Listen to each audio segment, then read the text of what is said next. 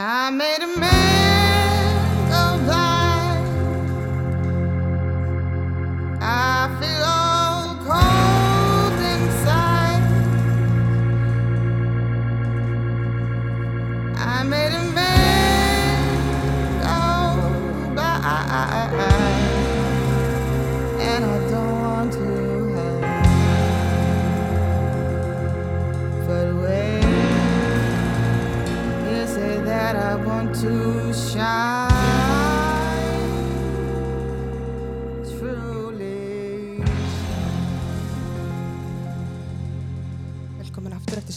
eftir sumafrí, sagði við. Takk að verið umhverfiðis. Veistu hvað við ætlum að tala um í dag? Foreldra kulnun. Veistu hvað hvað fóröldrakulun er? Nei. Hvað var ég að segja á leiðinum fóröldrakulun? Maður það ekki. Nei, en... En þú veist hvað kulun er alveg? Jú, já. Svona oft talað um kulun í lífinu eins og það vinnukulun og margir tengja við það en hugtak sem ég heiti bara í fyrra var fóreldrakulun og tengdi mikið við það. Og bara fyrir okkur bæði nú eigum við tvö börn saman og fótt eitt barn úr fyrra sambandi. Og við teljum okkur vera að glíma við kulun bara alla jafna. Og til okkur er komin hún Bjargei Ingólfsdóttir sem ég kynntist á Snapchat fyrir hvað er það, 5 eða 6 ár. Og hún ætlar að tala við okkur meðal annars um fóreldrakulnun og bara alltaf dúlulega sem hún er að gera dagstælega Velkomin Takk allega fyrir. Gaman að vera komin til ykkur enn í podcastið. Já, til hann ekki með að vera fyrsti gesturinn eftir sömafrí Já, þetta er einmitt fyrsti vinnudagur minn eftir sumafrí, þannig að það er vel við hæfi að byrja bara, já, á því að mæta í vittal. Við séum ekki skrítið ofta að byrja eftir sömafrí það er maður svona riðgæðir ég var svona, vissi ekki hvernig þetta byrja þetta er eins og að byrja hjóla aftur, maður kann það alveg en maður verður pínu stressaður Já, þegar maður er búin að gera það í tvær mínútur þá er þetta ekkert mál já, ég tengi alveg mjög við það því að þegar ég var að vakna í morgun, þú veist, þá var alveg skrítið að vera að fara að græja sig fyrir vinnuna þegar maður er búin að vera í sumafrí og einhvern veginn dagarnir bara líða og maður er að ferðast og gera eitthvað skemmtilegt með krökkunum. Já, ég var um að fylgjast með þér á Instagram núna, þú ert komin þangað Já, ég er með opið Instagram, Björgi og Kó. og þú varst að bara ferðum landi með krakkana. Já, við erum bara mjög duglega að ferðast við fjölskyldan og bara krakkarnir alveg elska að vera á ferðalögum og, og hérna, við gerum mikið af því, bæði innanlands og utan en höfum náttúrulega ekki farið erlendis núna alveg síðan áður en að COVID skall á. Þannig að við hefum verið mjög duglega að ferðast um Ísland og skoða nýja staði og gera eitthvað skemmtilegt hérna heima. sem er kannski bara jákvægt því þá að ég allan að er ekki verið að ferðast um landið og nú erum við búin að vera að gera það eins Mm og aðeins að setja útlönd og byð en Já. ég held þetta sem mjög dýrmætt fyrir krakkana að því að maður ofta hugsa eitthvað lengra að fara að gera eitthvað flottara og skemmtilegra. En svo er kannski alveg gaman hérna á Íslandi. Já, en það er samt alveg kostnæðarsamt að ferðast innanlands eins og það er bara mjög dýrt að ferðast í Íslandi. Og maður getur kannski gert minna heldur en maður myndi leifa sér í útlandum svona af afþreyingu og svoleiðis. algjörlega. Það er svona komið mest á óvart. Þó að maður einhvern veginn vissi það en svo þegar maður kemur á staðina þá er maður já, ok, ég er ekki ferðan maður í einlandi Mm ég horfi bara yfir gýringuna Já. Algjörlega. En Bara þú- að benda það að það kostar ekkert á frísbygóluvillina, sko. Nei, og það er alveg rétt og ég líka, þú veist, mér finnst alveg gaman líka að taka það fram að þó að við séum mjög duglega að ferðast svona alls konar, þá erum við líka ótrúlega duglega að bara pakka niður nesti, keira einhvert út í móa og bara leika okkur og þú veist, helst að finna einhverja læki til að vaða í og, og eitthvað svona og það þarf ekki að kosta mikið. það er um það sem að er að skapa minningar Já. ég man eftir bara þegar ég og mamma fórum, fórum í útilegur þegar ég var yngri hún kannski man eftir þessu sem allt erfiðið. Alltaf bara ótjald að gera og svo festið svo fann ekki tjaldtælana og hundarnir hlupuburti og og ég man bara hvað það var gaman. Já, þetta ég var bara eitthvað út í vatninu, ég kynntist fólki og ég var bara eitthvað elda hundana og Já. þetta var bara geðveikt. Já, það eru með sko mestu ævintýrin oft fólkin í þessum litlu hlutum, þessum að þetta fyndna og, og einhvern veginn það sem að krakkandi muna er einmitt þegar maður festi bílinn í einhverju drullu svaði eða einhver datt út í á og við vorum ekki með aukaföt og allt þetta sko, þannig að það er bara rosa skemmtilegt.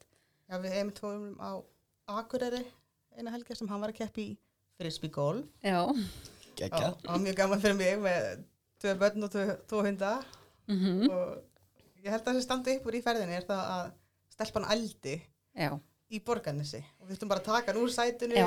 þrývald með blöyturkum og við fannst það ekki einu svona pyrrandi að því við fannst það svo já, frábær byrjun á ferðalagi að hún var svo absúrt já, að ég var alveg, segi, þetta er eitthvað sem við erum alltaf muna Já, og það var svona ælulikt í bílum alla ferðina Já. þannig að og þurftum eiginlega bara djúpeins allt og komast í einhverja þvóttavelu agurir eða senda ykkur Já. fólki hvert um hættum tvo já, þannig að Og fyrir auðvitað það að henni fannst geðvegt að vera bara blegin á grasinu já, já, í einhverjum botlanga í Já. borganesi, sko.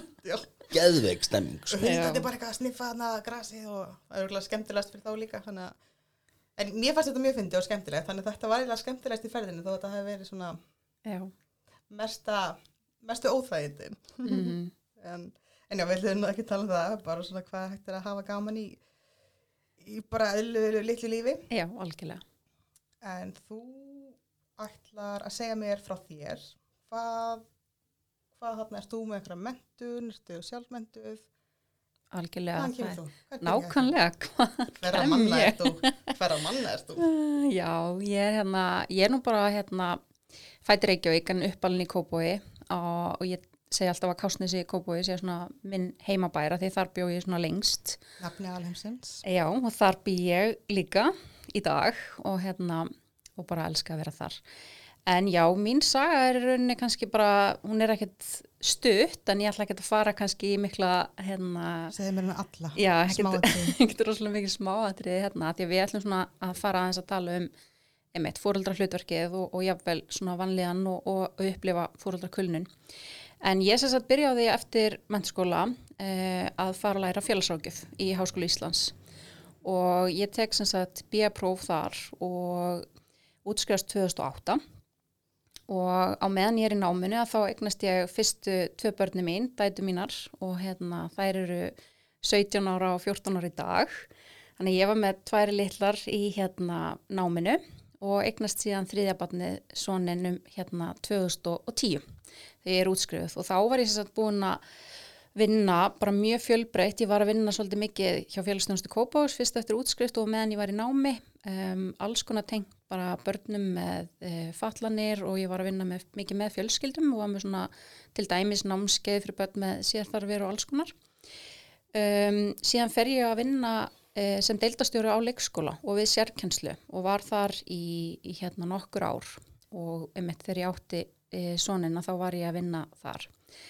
Hins vegar það sem að gerist þegar að hann fæðist að þá hérna lendi ég í mjög svona erfiðri fæðingum og eftir sagt fæðinguna þá kemur bara upp lífshættulegt ástand. Ég sagt missi nánast allt blóð líkamanns og e, þarf að fara í tvær stórar aðgerðir beint eftir fæðinguna og í rauninni fer inn í endurlífgun.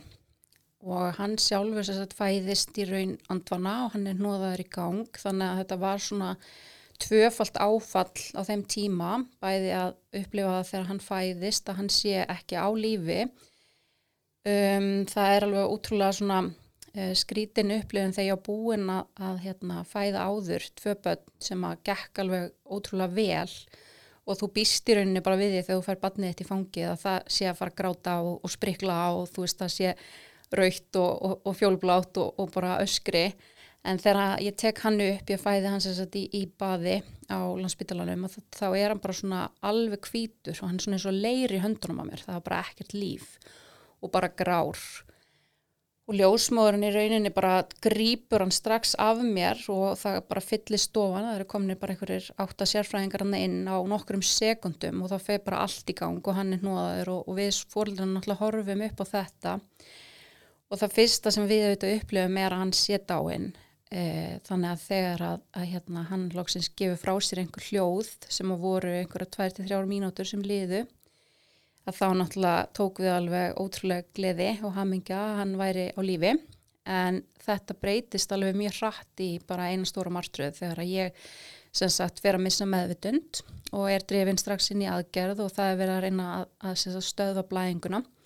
Það var greiðlega mikil blæðing frá sagt, fylgjusárunu og hríðarnar sem sagt voru stöðuar þú veist og hann væri lungu fættur og fylgjan fætt að þá hjælt leiði bara áfram að krampa eins og ég væri hríðum og þau fundi enga leið til að stöðva það fyrir en ég fer í þessa aðgerð. Og þau telja það að þessi er búin að, að stöðva það sem að stöðva blæðinguna og, og, og hérna svona gera einhverju stóru sári.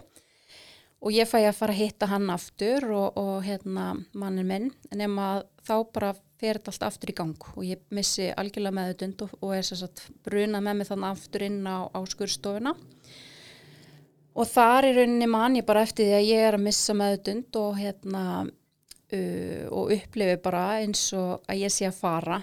E, það var alveg útrúleg upplifun eftir á að, hérna, að finna það einhvern veginn, ég fann bara hvernig já, hvernig líka menn var svona allur slagur og ég fann það að ég var að fara bara inn í, í annan heim þegar að hérna, ég síðan bara er endur líkuð og, og ég fæ hjartastuðtæki og er nóðið í gang og, hérna, og þeir dæla í mig blóði. Það þurfti sagt, að hérna, e, setja upp alveg nokkra krana og það er á endanum ákveðið að, svona Já, í rauninni skera með háls eða að það er sett inn hérna í bara ósæð í hálsinum það sem er dælt inn blóði. Og þannig náðu að hérna, endur líka mig.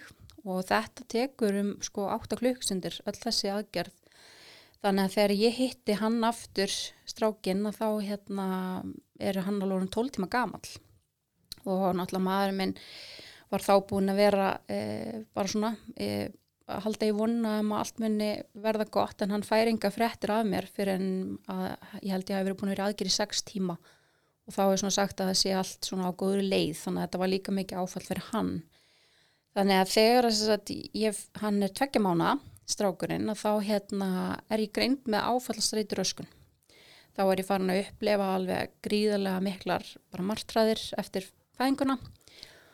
Og ég gæti ekki til dæmis keirt fram hjá spítalanum að þess að fá uh, ofsakviðakast og það var bara ótrúlega margi hluti sem að svona auðvitað til þess að mér var fara að líða vera leitla og ég fæ aðstóð í ungbarnavendinni og fer að hitti geðhjókunafræðing og lækni og það er ákveð að ég fara á liv til að byrja með og fer svo í áfalla meðferð hjá sálfræðingi og er í áfalla meðferð alveg heilt ár.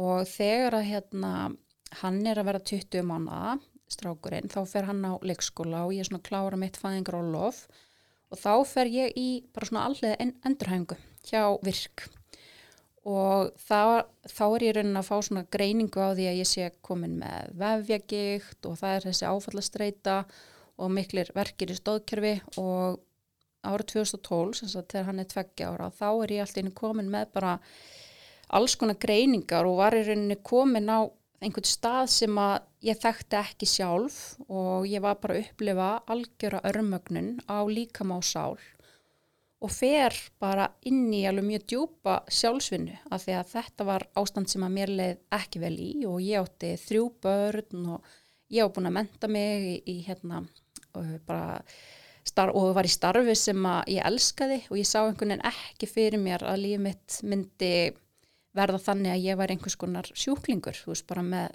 verki alla daga og kvíða og ég hugsaði bara, þú veist, þetta er eitthvað bara verkefni sem ég þarf að tækla og ég gerði það með góður hjálp, náttúrulega fer hann inn í tveggja ára endurhæfingu og þá fer ég sjálf líka bara læra mikið sjálf tengt svona hvernig maður getur fara að líða betur á líkamannssál og ég fer og læri hérna að verða fæðingadúla sem er svona stuðningur á meðgöngu og ífæðingu við fóreldra og eftir fæðinguna.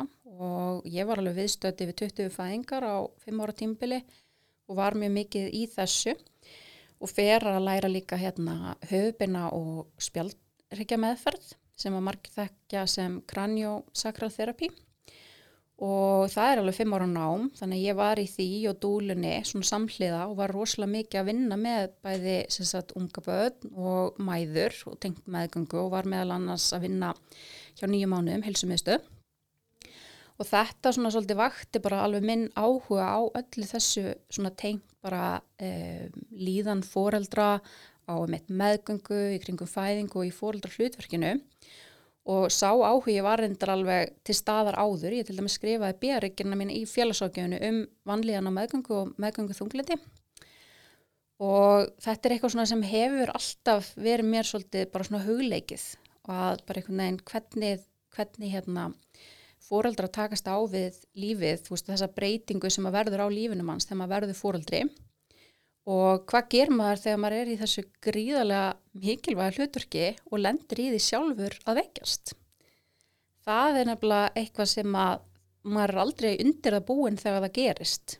Og það var alveg gríðarlega mikið áfall fyrir mig líka að greinast með áfallastreitu röskun og það er einu svona fyrsta sem ég hugsaði var byttu verði ég, eða þú veist, er ég í standi til þess að vera góð móðir, þú veist, ef ég er sjálf að glíma við uh, þessi veikindi og það sem ég veit auðvitað í dag er að, að, hérna, að sjálfsögðu var ég góð móðir og það er bara uh, eitt af því sem að góði fóreldra gera, það er að leita sér aðstofar ef maður er ekki að, að hérna, ef manni líður ekki nógu vel samkvort að það sé á líka maður eða sál og þetta ferðli einhvern veginn eh, bara fór út í það að ég fór að vinna mikið með með börnum og fóruldrum og, og hef alltaf verið alveg einstaklega bara heitlu af þessu, þessum málefnum.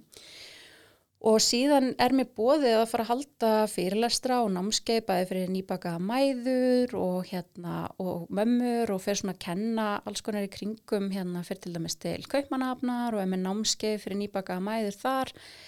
Varandi svona hvernig er hægt að hérna láta börnunum líða betur og vera svona, að, þetta er svona út frá höfun og spjaldrykja meðferðinni, þetta er þess að svo ég segi örstuð frá því hvað það er þá er það svona bandvefslosun í líkamannum sem að það er þetta auðveldlega að losa spennu hjá unga börnum ef þau eru til dæmis með magakveisu eða þau sofa illa.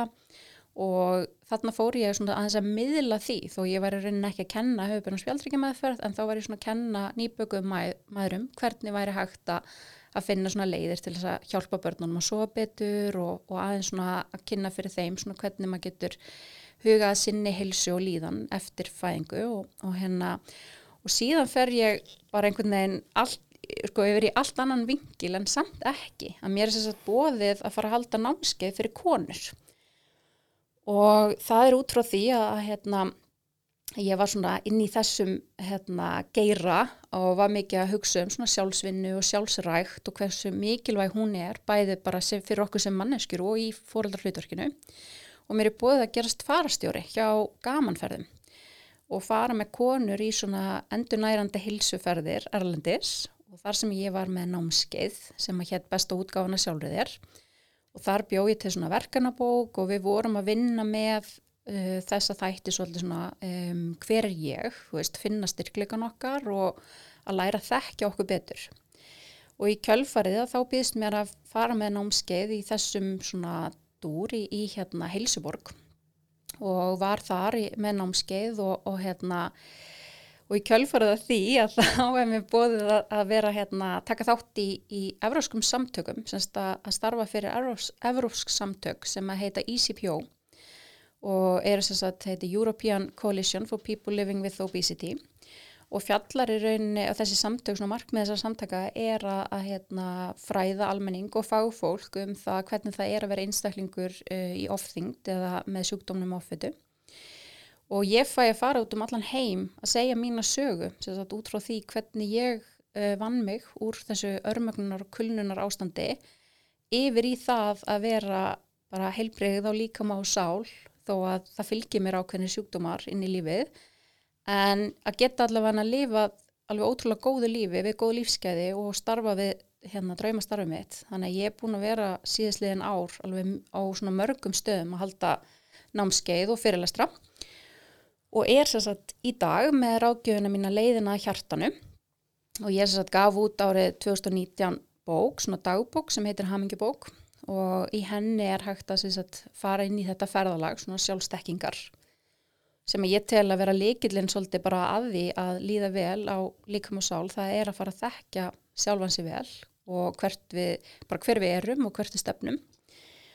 Og það hefur í rauninni bara leitt með á þann stað sem ég er í dag. Ég er sjálfstað starfandir ágjafi hjá leðina hjartanu og býð bæði upp á námskeið, fyrirlestra og einstaklingsviðtöl og núna sagt, í haust að þá er að gerast mjög spennandi hlutir að ég er að fara saminast eða er að fara inn í, í svona ákveðna miðstöð þar sem að eru mjög mikið af fagfólki sem er að vinna að því sama markmiði að láta fólki líða betur og líkum og sál. Þannig að þetta er svona heildræn heilsuráðgjöfur unni sem ég er með í dag og bara ótrúlega spennandi hlutir að fara að gerast.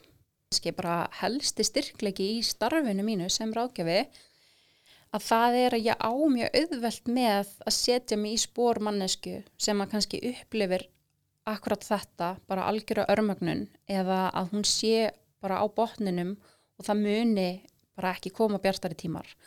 Og það er alveg ótrúlega svona bara valdeflandi bæði fyrir mig og fyrir þann sem kemur til mín að ég geti sagt veistu, ég geta sjálfsögð ekki vita hvernig þér líður af því að við erum öll einstökum með okkar sögu en mér hefur líðið illa og mér hefur líðið þannig að ég sá bara ekki til sólar og ég held að líf mitt yrði þannig, ég yrði bara einhvers konar sjúklingur.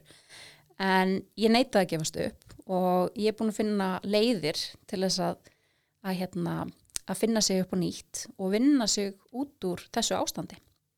Og það er hægt. Vist, ég elskar svolítið þessa setningu þú veist, engin veit neitt en við erum alltaf að gera okkar besta. Og ég held að það sé svolítið lífið í nótskurð að það skiptir ekki máli hversu mörg, margar háskólagráðu þú ert með eða hvað þú ert búin að afreika í íþróttum eða þú veist hvaða nú er að við getum öll lend í áföllum. Og þú veist þetta er bara hluti af lífin okkar. Það er að fara í gegnum bara gleði og sorgir. Og svo er það svolítið undir okkur sjálfum komið. Hvernig ætlum við að vinna með okkar sögu og okkar reynslu og að því að þú nefnir, nefnir einmitt þetta ég er kannski að vinna alltaf mikið með fólki í dag út frá bæði mentun og reynslu og það er það sem að mér þykir líka einna mikilvægst í mínu starfi að ég er að vinna með rosalega flottu teimi af fagfólki. Ég er að vinna með læknum, næringafræðingum, þjálfurum, þú veist, ótrúlegasta fólki sem við erum öll að vinna að sama markmiðinu. Það er að hjálpa einstaklingi að líða betur og líka múið sál og það er engin einn að reyna að laga einhvern. Við erum bara stuðningsnet fyrir þann sem þarf á að halda. Og oft kemur fólki viðtaldi mín og það endar kannski í rauninni þannig að ég segi við einstaklingin það væri ótrúlega gott ef þú myndir aðtuga með tíma hjá sálfræðingi til þess að kannski fara í áfallameðferð eða eitthvað slíkt. Og svo getur það verið eitthvað allt annað, þú veist, ég kannski vísa einstaklingi að fara til læknis út af einhverju allt öðru eða bara fara að hitta einhvers konar annars konar þerapista, Það sem er mjög jákvæmt er að það hefur verið að byrja núna svona þverfaglega teimi sem mamma minni endurhefingu hjá, maður ekki nákvæmlega hvað heitir, geð þeirrbyrjast teimi austur, suður, vestur. Mm og ég veit ekki hvort að það sé eitthvað sem þú ert að fara að vinna hjá eða eitthvað svona keimlíkt en þar er einmitt hún er í endurhefingu og þar er bara allir skælinn, það er er geðlæknir, það er bara allt til að tækla svona andlega málefni félagsfræðingur, fjölskyldur aðgjafi, mm -hmm. þjálfi, þannig að mér finnst það frábært og mér langar að kynna það betur bara setna. Þetta er, mér finnst það sniðugt að þar akkurat hittur hún þennan, þessa mannski fyrir þetta. Já, og svo bara ég að höra þessi tala við um liv, þessi ætla að tala við um, daglegar aðtapnir, þessi ætla að tala um áföll í æsku eða eitthvað svo leiðis að þá er hann að fá hann heilt heimi að þá líður hann aldrei eins og hann sé að fara já, ég bara að fara til læknis og fá lif og það er ekkert annað sem grípur mig. Mhm. þannig að mér finnst það rosalega sniðið hvað er að byrja mikið á svona tvekkfærlegum teimum og líka náttúrulega koma sálfræðingar inn að hilsugjastli mm að þetta er ekki bara fara til læknis og fá lif eða fara til sálfræðings og tala þarna. Því oft þarf maður miklu meira maður þarf, maður þarf einhvern veginn hjálp frá fleirum. Já. og oft eru lif laustinn fyrir suma en það er bara enga veginn alltaf og það er svona svo gott hvað þetta er að byrja, ég er að tala í ringi klippt út. Nei, mér finnst það bara alls ekki klippað út. Þetta er algjörlega bara kjarni málsins að Ég, við þurfum bara uh, mjög fjölbreytta aðstóð og þú veist þetta er ekki, það er ekki bara eitthvað eitt og eins og þú ert einmitt að lýsa með lifin að lif geta verið algjörlega bara lífsnöðsynlegt í mörgum aðstæðum og þegar fólk er að upplifa um, mikla andlega vanlegan þá getur lif verið bara fyrsta skrefið að komast á aðeins betri stað til þess að fara að vinna með kannski áfallið eða rótina af vandanum sem er að valda kvíðanum og allt þetta. Þannig að þú veist, og að hann lifir aldrei eitt og sér það sem að mun laga, skiljur, við þurfum alltaf að leggja rosalega mikla vinnu sjálf og fá mikinn stuðning og aðstóð þetta er eitthvað sem að mér finnst eða ég vildi óska þess að fólk myndi hafa meiri trú á livjum ef það hefur fengið það upp á skrifað. Af því að ég er ofta sjá inn á mömmuhópunum. Já, að já ég fekk upp á skrifu kvíðalif eða þunglinslif eða mm. fólk kannski með ADHD, nú er ég með ADHD ég mig og, og þannig ég veit hversu mikið ég funkar illa án þeirra. Veist, ef ég tek ekki ADHD-legin minn þá er ég sko 90% líklegri til að bakka á. Um, nei, það Já. er, er bara hættulegt. Meina, en á livjurum þá er ég bara mjög svo núna, ég er búin að taka fullt af koffinni og taka ADHD-lifin, ég er samt ekkert eins og ég sé okkur í spýtti eða amfetamíni. Það er svona ofta sem fólk heldur það að sé að dópa sig upp eða börnin mm. að, eitthvað, nei, nei, ég ætla bara að prófa einhverja náttúrulega leiðir og allt í gegnum þetta og ég er alltaf bara svona, nei, það ég segja að hæla leiðum og mikið, Mhm. en af hverju viltu fara í gegnum lífið alltaf hoppandi á öðrum fæti? Mhm. Af hverju viltu gera daginn erfiðan af því að ef þú tekur til dæmis ekki þungliðinslifin og ef læknir hefur Mhm. bara telur vissulega þörf á því hvort það sé til skams tíma eða lengri tíma að þá getur þú náð jafnvel jafnvægi og liðið betur annars að þurfa að leggja svona rosalega mikið í þetta. Já. að þú þarf ekki að vakna hverju mótni og bara ok, í dag ætla dagur að vera svona það þarf ekki alltaf að vera núvitund og meðvitund og dæmi, þú getur bara tað með þetta og liðin hjálpa þér samhliða og getur breytt um hegðun og bættana Já, að mér finnst svo margir alltaf nei, ég ætla bara að hætta að lifa, ég ætla bara að gera þetta sjálf. Og mér langar svo að knúsa mömmunar í gegnum Já. skjáin og bara nei, please, ekki gera þetta taktu lifiðin sem búið að skrifa fyrir þig þau er ekki bara að hækja, þau er að koma á eitthvað stað, því ég hef verið á rosalega sterkum þunglindis og kvíðalifum ég er á líka í dag, en bara mjög vægum Mhm. af því að þegar ég var að byrja meðferð að þá þurfti ég bara eitthvað rosalega mikið af því ég var svo óbúðslega langt niðri. En svo eftir tvö ár að þá er ég bara búin að ná miklum bata, ég var búin í endurhæfingu og þá þurfti ég ekki lengur svona sterk lið. Ég var mjög fegin því það voru miklu aukavekkanir og ég vildi ekki taka þau. Mhm. þá gæti ég svissa yfir á minni lif en er náttúrulega með markþætta greiningu en svo eru aðri sem að þyrfti kannski ekkert Mhm. Er, Þannig er, að- það ekki, er það ekki líka bara þannig að þú veist, sumir eru bara hrættari við lif bara basically þú veist, eins og að ég háti veist, þetta er amfetamin þetta er amfetamin aflega já, en þú veist, fólk er sennilega hrætt við það að fá einhverja fíkn út frá þessu. Já, klárlega en sko magni sem þetta er gefið í En er ekki í það miklu magni til að fólk geti orðið háf nei, ef ég færi hérna einhvers staðar út á götu og myndi kaupa amfetamin ég veit ekki það, ég myndi ekki vita hvað ég ætti að kaupa að þá það myndi er geðvegt fróðulegt sko. það væri þetta mega frólægt, ég myndi örgulega fara að sofa sko. Ég myndi bóka Nei, það er bara þá myndir reyna að finna manneskuna sko. já, ég væri bara eitthvað að senda Facebook heiti veist, þú hvað ég geti fengið amfetamin nei ok. En þetta, en já, það sem að, það kom mér svo bíómynd á Netflix um að þetta, þetta væri slæmt og eitthvað þannig en með þessi lifa, í þessu magni sem þau eru gefin þá er þetta að læknar að fylgjast með og það er mjög mikið fylgst með í hvaða magni þetta gefið að þá á þetta ekki að íta undir fík og já, ok. Ég, meina, ég, er ný, er nýbúin að fá greiningu og nýkomin á lif og, og þegar ég var að mæta upp á uh, bráðumótöku geðdeldar sko, þá þurfti ég að mæta tvisar eða þrísvar bara upp á að taka blóðþrýsting.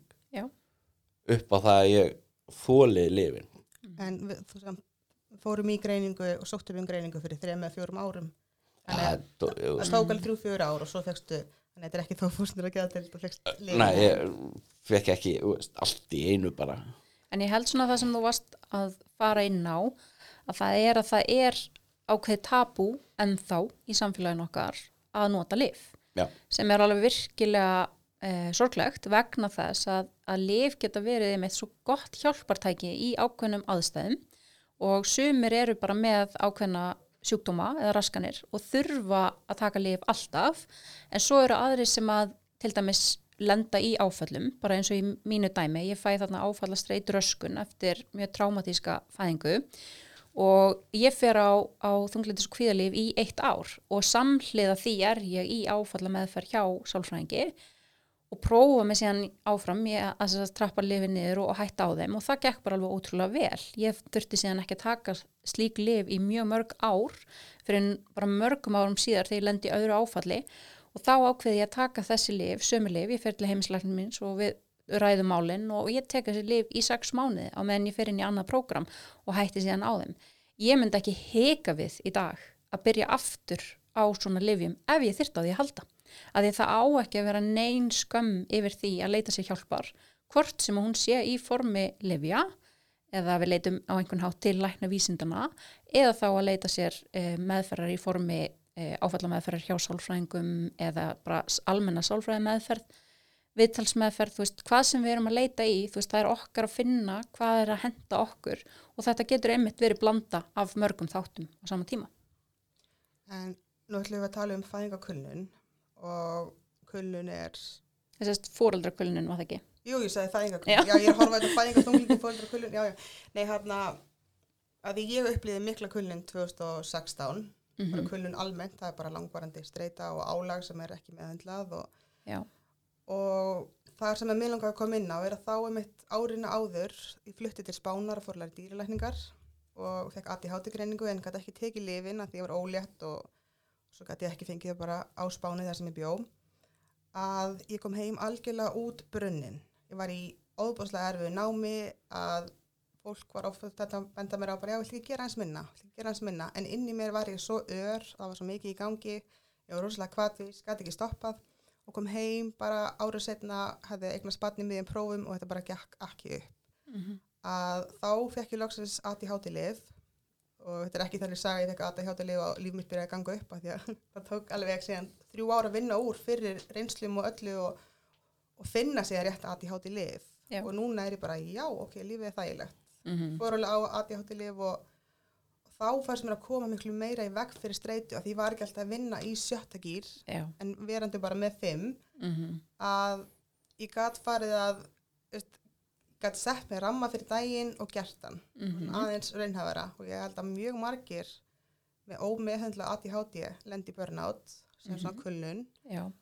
að það er mitt bara að ég seti svo sörst og hvít á mér að mér finnst ég vera að upplega fóruldra kulnun núna og fannst ég það líka þá en á allt öðrum forsendum að því að núna mér fannst ég algjörlega bugu þá. Ég var bara svo undin tuska þarna 2016 ég, mér fannst ég bara ekki vera manneskja. Já. ég var bara vofa Mhm. en En þegar þú talar um að, að sagt, núna ertu með meira jafnvægi lifjónum og, og, og þú er búin að vinna mjög mikið í sjálfur þér, á hvaða hátt upplifir fóreldra kulun í dag? Að þú svona nefni það? sko ég kannski slett þessu orði fram að því að ég kannaði stöðið þarna 2016 en að því er með gæði kvörf og ADHD og, og bara mjög margt í gangi alltaf í hausnum á mér að ég var greið með fæðingar þunglindi fyrir árið síðan Já. sem að var rauninni fæðingar störtlun sem að ég held bara 2% af konum upplifi Mm og þetta var bara þetta var eiginlega bara hæðsta level -hmm. að mér finnst mjög skrítið að hugsa til þess að fyrir árið síðan hef ég reynd að fyrirfara mér af því að ég taldi að börnum mín ætti skilið að bara lifa ekki með geðveika mömmu. Mm Ég var bara svona, ok, ég ætla ekki að bjóða þeim upp á þetta og ég hugsaði líka bara ekki þá, ég að gera sig að þann greiða þá getur hann bara fundið sér nýja konu. Því að hann fyrir ekkert að hætta með mér að því ég er geðveik eitthvað, það kemur sleitt út fyrir hann. Þetta er bara eitthvað sem ég ákvæði haustum á mér. Já. Þannig að ég veit ekki alveg hvort þetta sé enda bara aflegging af Já. fæðingaþunglindinu árið setna Mm en ég fekk sérst það samþygt og er að byrja í virk endurhefingu í annarsinn þessu mánuði að því ég að misti vinnuna í COVID, ég var með rekstur og, og það var bara mikil einangurinn vegna COVID og ég var með svo miklar væntingar til -hmm. fæðingarólusins. Já. Þegar með eldri barnið mitt að þá var ég í námi, tók mér enga pásu og tók mér aldrei neitt fæðingaþunglindi. Þannig að núna Mhm. langaði mér svo að njóta. Ég var ekki með nein mömmu gen. Þegar, Fæðingar Olof hvað sagði ég? Fæðingar þunglindi Já, já, um eitt.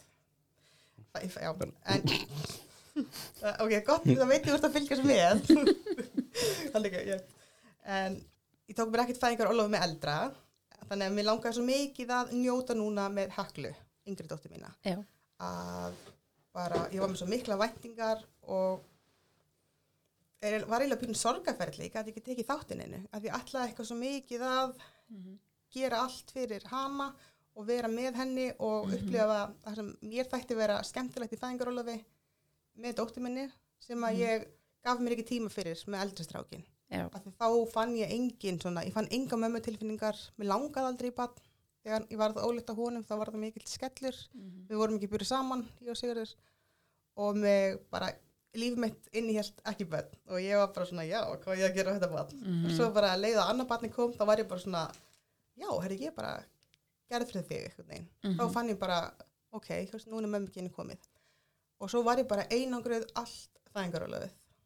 Já. Hún náttúrulega fæðist í miður COVID Já, sko. ég ætlaði að segja að COVID er náttúrulega að spila stóran þátt Ég meina, hún, hún var búin að plana veist, hún var búin að plana alls konar mömmuhópa og eitthvað svona Og sundnámskeið Já. og meðgöngunámskeið og, og svo bara lokaðist allt og við þurftum að fara í sóttkví þegar vikum aður hann kom og hún kom. Þannig að mm þetta, ég held líka að óbæðslega margar mæður gætu verið að syrkja sem að eignu spann í eða í kringum COVID alla þessa einveru að það er langaði svo að gera allt og taka þátt í öllu en svo endaði mig bara að vera ennþá meira einn með barnið sitt og svo er þetta líka þannig tími að það eru allir að upplifa COVID og það eru allir að upplifa takmarkanir þannig að maður er einhvern veginn, maður átt að segja á maður er ekkert eitthvað einn að hafa það slæmt þannig að það er erfitt að, hei, vorkinni er mér eða vill einhver heimsækja mig af því að það er ekki Mhm. hægt og Já. það eru allir sem get ekki það eru allir að upplifa einhverju takmarkanir, get ekki mætti vinna, þannig Mhm. að maður þurfti svolítið bara svona að sig Já, Þannig að þetta var ekki einhver sem að endilega var hægt að leita sér hjálpar við, annað Mhm. en bara svona, já, ok, það eru allir að gera þetta, það eru, fólk er ekki fá að hitta ástunni sína, þannig að það var svona Mhm. munurinn og, og svo núna einhvern veginn, þá bara veit ég ekki. nei. Og þú veist, um, ef við förum kannski að tala aðeins um bara mitt einkenni fóreldrakullunar um, eða svona örmugnunar í fóreldrahlutverkinu, að þá er það kannski mitt að upplifa um, mjög svona brosna væntingar og að upplifa sig að maður sé á einhvern hátt ekki nóg. Og þessu fylgir oft bara mikil skömm, kvíði og vanlíðan og margar uh, mæður og bara fóreldrar sem að upplifa þessar tilfinningar uh, fara einangra sig frá öðrum. Af því það er oft erfitt að hitta kannski aðra og þú upplifir að þér líði eitthvað skringilega en öllum öðrum líði svo vel þannig að það er eitt af þessum engjunum sem að örmögnin er og, og, og það getur um eitt fyllt þessum mjög mikil bara síðreita, kvíði, leiði og deburð og kannski með fóreldrakulnun að, að þá er oft fóreldrar að upplifa það að, að þeir sé einhvern veginn aldrei að ná að halda einhvern veginn utan um allt. Og, og jafnvel að upplifa að þeir séu svolítið einir í þeirri stöðu sem er náttúrulega bara alls ekki rétt og bara foreldra hlutverki almennt er bara alveg gríðarlega erfitt og flókistarf og það er mjög eðlilegt að það komi dagar það sem maður einmitt upplifir vonleysi, uppgjöf og það sé bara einhvern veginn allt mjög erfitt.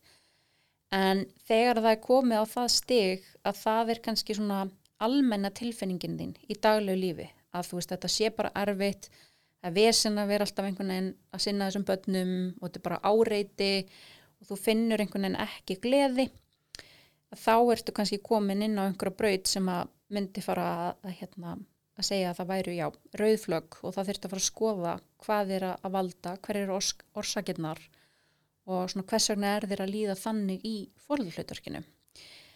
Er þetta eitthvað sem að þú upplifir í dag eða finnst þér svona meira bara að þú sérst svona almennt kannski þreytt á ástandinu og einangrunni og, og öllu því? Að þeir séu svolítið einir í þeirri stöðu sem er náttúrulega bara alls ekki rétt. Og bara foreldra hlutverki almennt er bara alveg gríðarlega erfitt og flókistarf og það er mjög eðlilegt að það komi dagar það sem maður einmitt upplifir vonleysi, uppgjöf og það sé bara einhvern veginn allt mjög erfitt. En þegar það er komið á það stig að það er kannski svona almenna tilfinningin þín í daglegu lífi að þú veist þetta sé bara erfitt það vesen að vera alltaf einhvern veginn að sinna þessum börnum og þetta er bara áreiti og þú finnur einhvern veginn ekki gleði þá ertu kannski komin inn á einhverja braut sem að myndi fara að, að, hérna, að segja að það væru já, rauðflögg og það þurfti að fara að skoða hvað er að valda, hver eru ors orsakirnar og svona hvers vegna er þér að líða þannig í fórhaldhlutverkinu. Er þetta eitthvað sem að þú upplifir í dag eða finnst þér svona meira bara að þú sérst svona almennt kannski þreytt á ástandinu og einangrunni og, og öllu því? Já, góð spurning. Það, með mér finnst ég bara svona almennt mjög þreytt og buguð og Já. nú stelpan 16 mánu og renn þá heima, Mm þannig að ég, ég upplifi mig ekkert sem einstakling, -hmm. bara aldrei eiginlega. Já. Ég er bara móðir og ég er, oft er ég bara heima að taka til og stundum sest ég bara niður og byrja að gráta. Það er Mhm. kannski bara í 5 sekundir, koma nokkur tár. Jep. Að ég verður bara svona, að verður bara svona yfirþyrmandi. Að þetta er pínu svona, mér vantar að gráta því það er svona, er losun og svona Mm gott að vorkina sjálfur mér bara í einrúmi, þá græti ég bara aðeins og bara já, ok, flott. -hmm. Bara svona aðeins mér líður illa og, og bara segja það upphátt Mm og mér langar bara að ganga út og koma eftir tvær vikur eða tvo mánu eða tvö ár Já. að ég er einhvern veginn, mér finnst engin skil á milli þess að ég sé móðir og ég sé hrefnalíf Já. að ég vakna bara á mótnana og ég er eiginlega bara að býða eftir að kvöldi komi að krakkarnir fara eftir að sofa Mhm. og þá er orka mín búin Mm að því að mína, já, börnir eru kannski farin að sofa aðeins lengur núna en það voru svolítið mikið að vinna með að vakna fimm Já. og, og pappin ekki mikið fyrir að heyra í þeim á mótnana Ég sef rosalega fast sko. Þannig að ég, ég myndi segja að það er, það er rosalega mikill biturleiki á millakar sem Já. að og svona, ég myndi Ek, segja Ekki hjá mér sko. Nei, að svona ég myndi ekki segja að vera neitt mikið af vandamálum í sambandinu hjá okkur en flest vandamálum eru tengt svona fóreldra jafnvæginu Mhm. að mér finnst byrðin vera á mér öll Já. að oft líður mér eins og hann sé bara auka bann Já. að ég þurfa að gefa hann um leiðbyrningar með allt sem þurfa að gera. Mhm. en hann er ekki það að sé neitt að, hann er mjög duglegur að gera heima og slíkt. En ofta er ég bara svona halló, ef þú verður starfskraftur þá þetta hafa aðeins frumkvæði. Takk, eða svona mhm, Vil ég er ofta eins og hann sé úlingur, bara herri, væru til að taka upp hérna kúkapókan við hliðinar með kúkableiðinu, mm Mhm. væru til að fara með hana út í tunnu, ekki setja svona þannig hlutir sem að ég verð svolítið svona af hverju og svo fyrst mér hann svolítið bara, herri, ég er farin í frisbí mhm, eða ég er farin hérna og hans áhuga mál taka kannski alveg fjóra tíma eða eitthvað. Og mér finnst þetta jafnvægi vera erfitt. Og ég held að mjög hann að tengi við þetta, þú varst líka að segja þetta áðan að konur svolítið dræði sig í hlýja og einangur sig. Mhm, og hann býður mér á hverjum degi að fara út og gera eitthvað. Mhm, en ég oft spá bara, vá, ok, kannski er ég bara frekar leiðilega og reyna að vera erfið af því að mhm, svo er ég svona að rífast út í hann hvað hann er að gera mikið en samt ger ég ekki neitt veist, ég set mig ekki hann út og fyrir að hitta fólki að gera. Að mér finnst ég svolítið að hafa mist kannski tengslin við mína vini og svona. Ég náttúrulega flutti Erlendis og verði veik og veikindin hafa svolítið engjent lífið mitt og Já. ég er rosalega sósjál að þetta er svona komið ef ég ætti að setja ef ég ætti að segja mig eitthvað sem ég myndi ekki vilja segja upp á er að ég er oft svolítið bitur út í hann og svona öfundsjóka hann getur bara farið. Mhm, en ég veit að vandamálið hjá mér er það að ég verð kannski ofpyrr við hann að hann er alltaf að fara út og gera eitthvað. Mér finnst hann hafa svolítið svona fríkart mhm, en hann veit aldrei að það eru læknatímar eða er eitthvað að mæta að gera eða svona fyrirbræði já, þannig að mér finnst ég vera jafn stór partur af vandamálinu eins og hann. Já, mér finnst þú verið að koma þarna inn á alveg mjög áhugaverðan vingil á tvo vegum, að þannig ertu svolítið að lýsa því eh, hvað gerist þegar við verðum eh, foreldri, af því að við erum jú einstaklingar við eignum spörn og síðan koma þau inn í lífið og þá þarf maður að sinna því eh, krefjandi hlutverki að vera foreldri. Og svona við byrjum aðeins að tala um það en förum síðan inn á það sem þú varst að nefna með þess að þú ert alltaf á vaktinni og þá getum við farið aðeins inn á þetta spjall með þriðju vaktina og þess að hlutverkaskiptingu innan heimilisins og hvernig foreldra þurfa að deila ábyrðinni jamt á milli sín. En ef við byrjum á þessu með móður hlutverkið að eins og þú sagðir að þér, þú upplifir einhvern veginn að þú sért aldrei bara þú. Þú veist að það er einhvern veginn, þetta er bara orðið hluti af þér að vera móðir. Og það er rauninni kannski mun aldrei breytast að því að, að núna áttu þessar tvo einstaklingar sem eru bara komnir frá þér og eru bara þitt DNA og, og þitt blóð og, og hérna, mér finnst það alveg indislegt bæði já, já, með hvað mér langaði ekkert að vera móðir þá Mhm. kemur það óvart að ég myndi ekki vilja breyta þessu. Og mér finnst óbúslega gaman að taka þátt í daglegu lífinu já, og, og gera svona fárulega hluti. Mér finnst óbúslega gaman að fara í, í Lego og út að leika og í sund og svona. Og, mm og sigga líka. Þannig að þetta er ekki það, þetta er meira bara Mhm. svona skilin og villið þess að vera einstaklingur já. og vera í Lego frá fimm á mótana til kvöldin og þannig ertu algjörlega að lýsa því sem að bara margar konur upplega bæði bara eftir fæðingarulof og eftir að, veist, eiga kannski nokkuð börn og allt þetta Sigurður, Það kom bara meira hljóðaldur í bjóstiði já, þú er bara eitthvað að skrifa einu skilabóð og dvoðið drikk Ég er ekki búin að vera í símanum í drekka koffin allan tíman og ég horfa koffinu mitt og inn í veskinu sem langur sem að taka en það komur svo mikið að látum Já, en sem sagt að, að sko það er það sem að margar mæður upplifa og nú er ég bara að tala út frá mér sem móður og, og þeim konum sem ég hef mikið verið að vinna með að það kemur einhver tímapunktur þar sem að þú bara upplifir byttu, hver er ég? Þú veist, lífið þitt einhvern veginn fór kannski frá því að þú varst að menta því því sem að þú hafðir áhuga á eða starfa við það sem að þú veist gefur þér gleði og ég hafði tíma til að vera þunn já, hafði tíma til að fara út að skemmta þér og, og hafa kannski jafnvel áhugamál þar sem þú einhvern veginn allt í einu situr uppi uh, bara ótrúlega þreytt og buguð og þú upplifir að þú ert á fullu allan daginn, alla daga en samt minga verkefnin ekki neitt. Það er alltaf sama þvottafjallið og það, það, það þarf alltaf að gefa öllum að borða mörgum sinnum á dag, veginn, þetta klárast aldrei. Og, og þannig oft finnum við okkur bara að við séum bara orðnar einhvern veginn tíndar núna sérstaklega eru að tala um það búið að vera fjóra veikna saumafrí hjá þessum eldri. Já, þannig að þá ef þau hefum hýst fyrir saumafrí þá hefði þetta kannski verið aðeins skára en núna er mitt það sem þú varst að lýsa bara, veist, fá að borða, það er aftur og aftur og ég er kannski nýbúin að taka, að vaska upp og gera og svona, að þá er þetta í hámarki núna hjá flestum fóruldrum já, ég tengi alveg mjög við það. Og hérna þó að krakkandi mínu sé orðnir uh, úlingar í rauninni. Eru þau duglega að ganga frá? nei, Nei. En þú verður líka svolítið svolítið, svolítið, svolítið svona þúr Já, þú veist að það er líka bara það sem að maður lærir þegar maður, hérna, veist, ég átti þau þrjú á fimm og hálf ári og oft þegar að þau voru lítil að þá hugsaði ég svona, svona bara byttu, ok, þetta hlýtur að verða miklu auðveldra þegar það er eldri.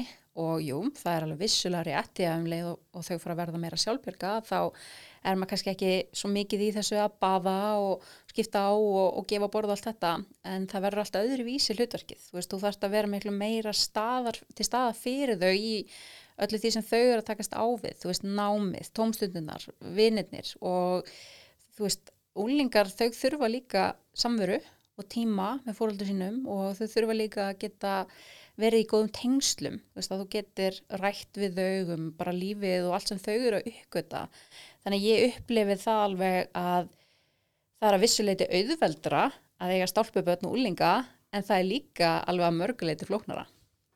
Já, mér finnst þegar fólk segir að þetta verður auðvildara með aldrinum að mér finnst það frekar diss við mm. fóreldra sem er kannski með eldri börn. Að því að núna á ég stjúpsson sem að sonaði sigga sem er 12 ára ekki það að hann er endur alveg yndislegur einstaklingur en Mm veist, yngri bróður hans er fjár ára. Það er svo mikið, ég þarf að gera allt fyrir hann en hann er svo sjálfstæður. En svo kemur hinn og mér finnst ég oft bara hann gleymist. Já, og þá fæ ég oft samskupið þegar er svo mikið aldurspil að þegar hann er hjá okkur að þá meira svona æherði, hjálpa okkur, gera þetta. Og mm -hmm. oft er ég bara nei, vá, ég er að láta allt hans líf snúast um að vera framlenging af mér. Já, ég leif hann mikið alltaf að vera einstaklingur og ég hef alveg sagt við hann herri, bara fyrir ekki að ég, að ég er að láta það gera mikið þú ert bara 12 ára, þú máttur í tölunni mm að svona, ég oft nýti mér þegar hann kemur, getur aðeins passað hérna litlu já, já. að það er líka smá svona erfitt að hafa svona aldursbil að, Mhm. að leifa líka þeim eldri að fá að vera einstaklingar að ég gleymi því rosa mikið Já. ég held að, já líka vinkonir sem að tala um ofta að veist, maður noti börnin og mikið svona að maður bara þarf hjálp bara Já. að setja í vilin og eitthvað, eitthvað allt sem er bara svona innan Mhm. heimilisins ég er ekkert að láta mm Mhm. fara eitthvað að slá garðin eða eitthvað svona Mhm. stórt sem að ég gerir sjálf sem, jók, eins og ég gerir það sjálf ég ræði eitthvað nýða það kom þetta já, þannig að já, að, já. já ég oft, maður hugsa bara svona 12 ári áður tónum fullarinn en þetta eru bara litlir einstaklingar sem þurfa svo mikið að tala og hann þarf svo mikið að tala oft Já. og bara um hluti og endalaust um hluti bara YouTube Mhm. og stundum er bara já, endilega segðu mér frá enn öðru frá YouTube þegar ég segðu mér frá, og ég stundum bara svona ok, vá, við gæti ekki verið meira sama Mhm. en svo þarf maður bara nei, hérna, þetta skiptir hann máli ok, Mhm. að það er, mér finnst þetta svona erfiður aldur að vita að þau líti út sem fullorðin eða svona úlingar já. og maður er oft bara eitthvað, að er þetta spáðu þessu? Þetta skiptir ekki máli og það kannski gerir of lítið úr þeim Mhm. að, já, það kannski ekki gefa sér tíma með þeim og hlusta á já. allt YouTube-talið. Já, það, sko, það er æðislegt að eiga úling. En það er líka ókslega erfitt. Og þú veist, það kom alveg, þú veist, þess hormónasprengjurnar og þegar hurðunum er skellt og, og þú veist, maður er bara versta mamma í öllum heiminum.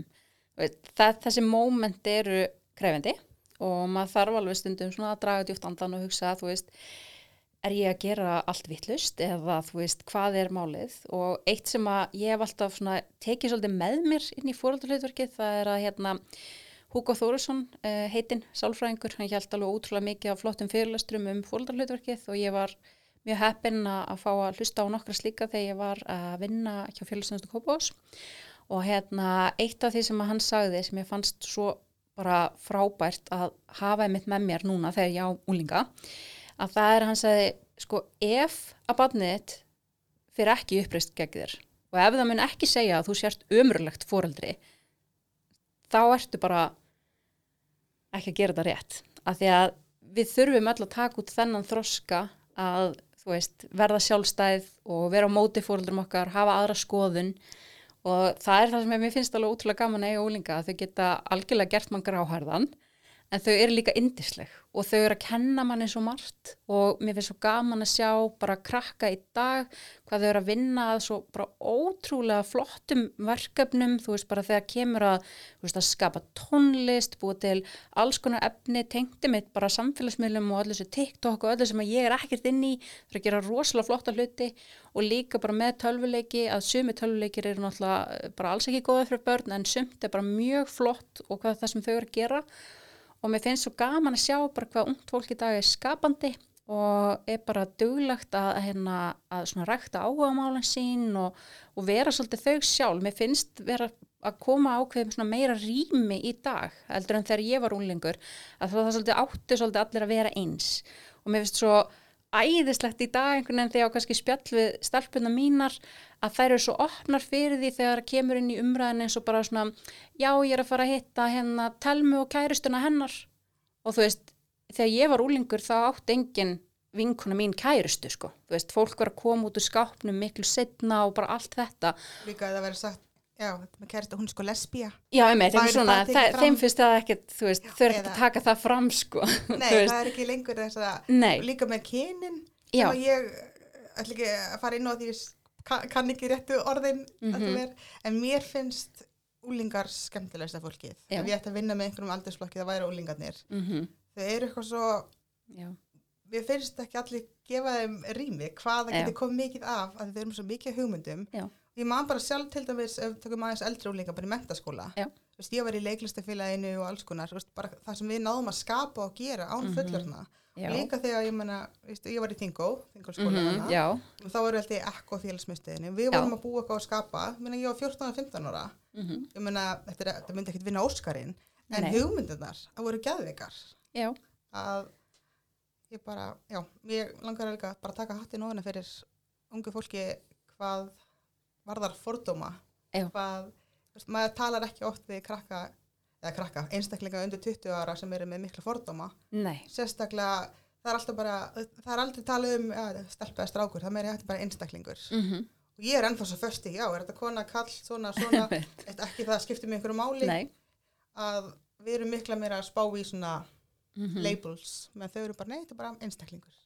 Já, og bara ég elska hvað þau eru bara meðvituð um svo margt í lífinu, þú veist, umhverfið okkar og allt þetta og, og til dæmis hvað úlingar í dag eru bara meðvitað um mataræði, þú veist, bara ég, ég borða ekki kjöt eða þetta. Og maður bara, nú, byrju, ok, hvað, byrju, já, ok, þú veist, og maður þarf einhvern veginn að fara að hugsa upp alls konar nýtt, en mér finnst þau bara að vera bestu kennaranir og það eru bönnun okkar bara yfir höfuð, það veist, það er ótrúlega gaman að fylgjast með þeim og hvað þau bara kenna manni á lífið. Svo farið maður líka svona gleði moment, maður svona æ, eða gera eitthvað svona sem að gera maður stoltan, eitthvað sem Já. það er lært annar staðar, þau eru fjara eða Já, maður æ, þetta er bara lærið annar staðar að vera að trúlega sér. já, En þú dast aðeins inn á mitt áhuga svo þannig Já. Þú nefndir að einhverju tölvuleikir var ekki góðir já.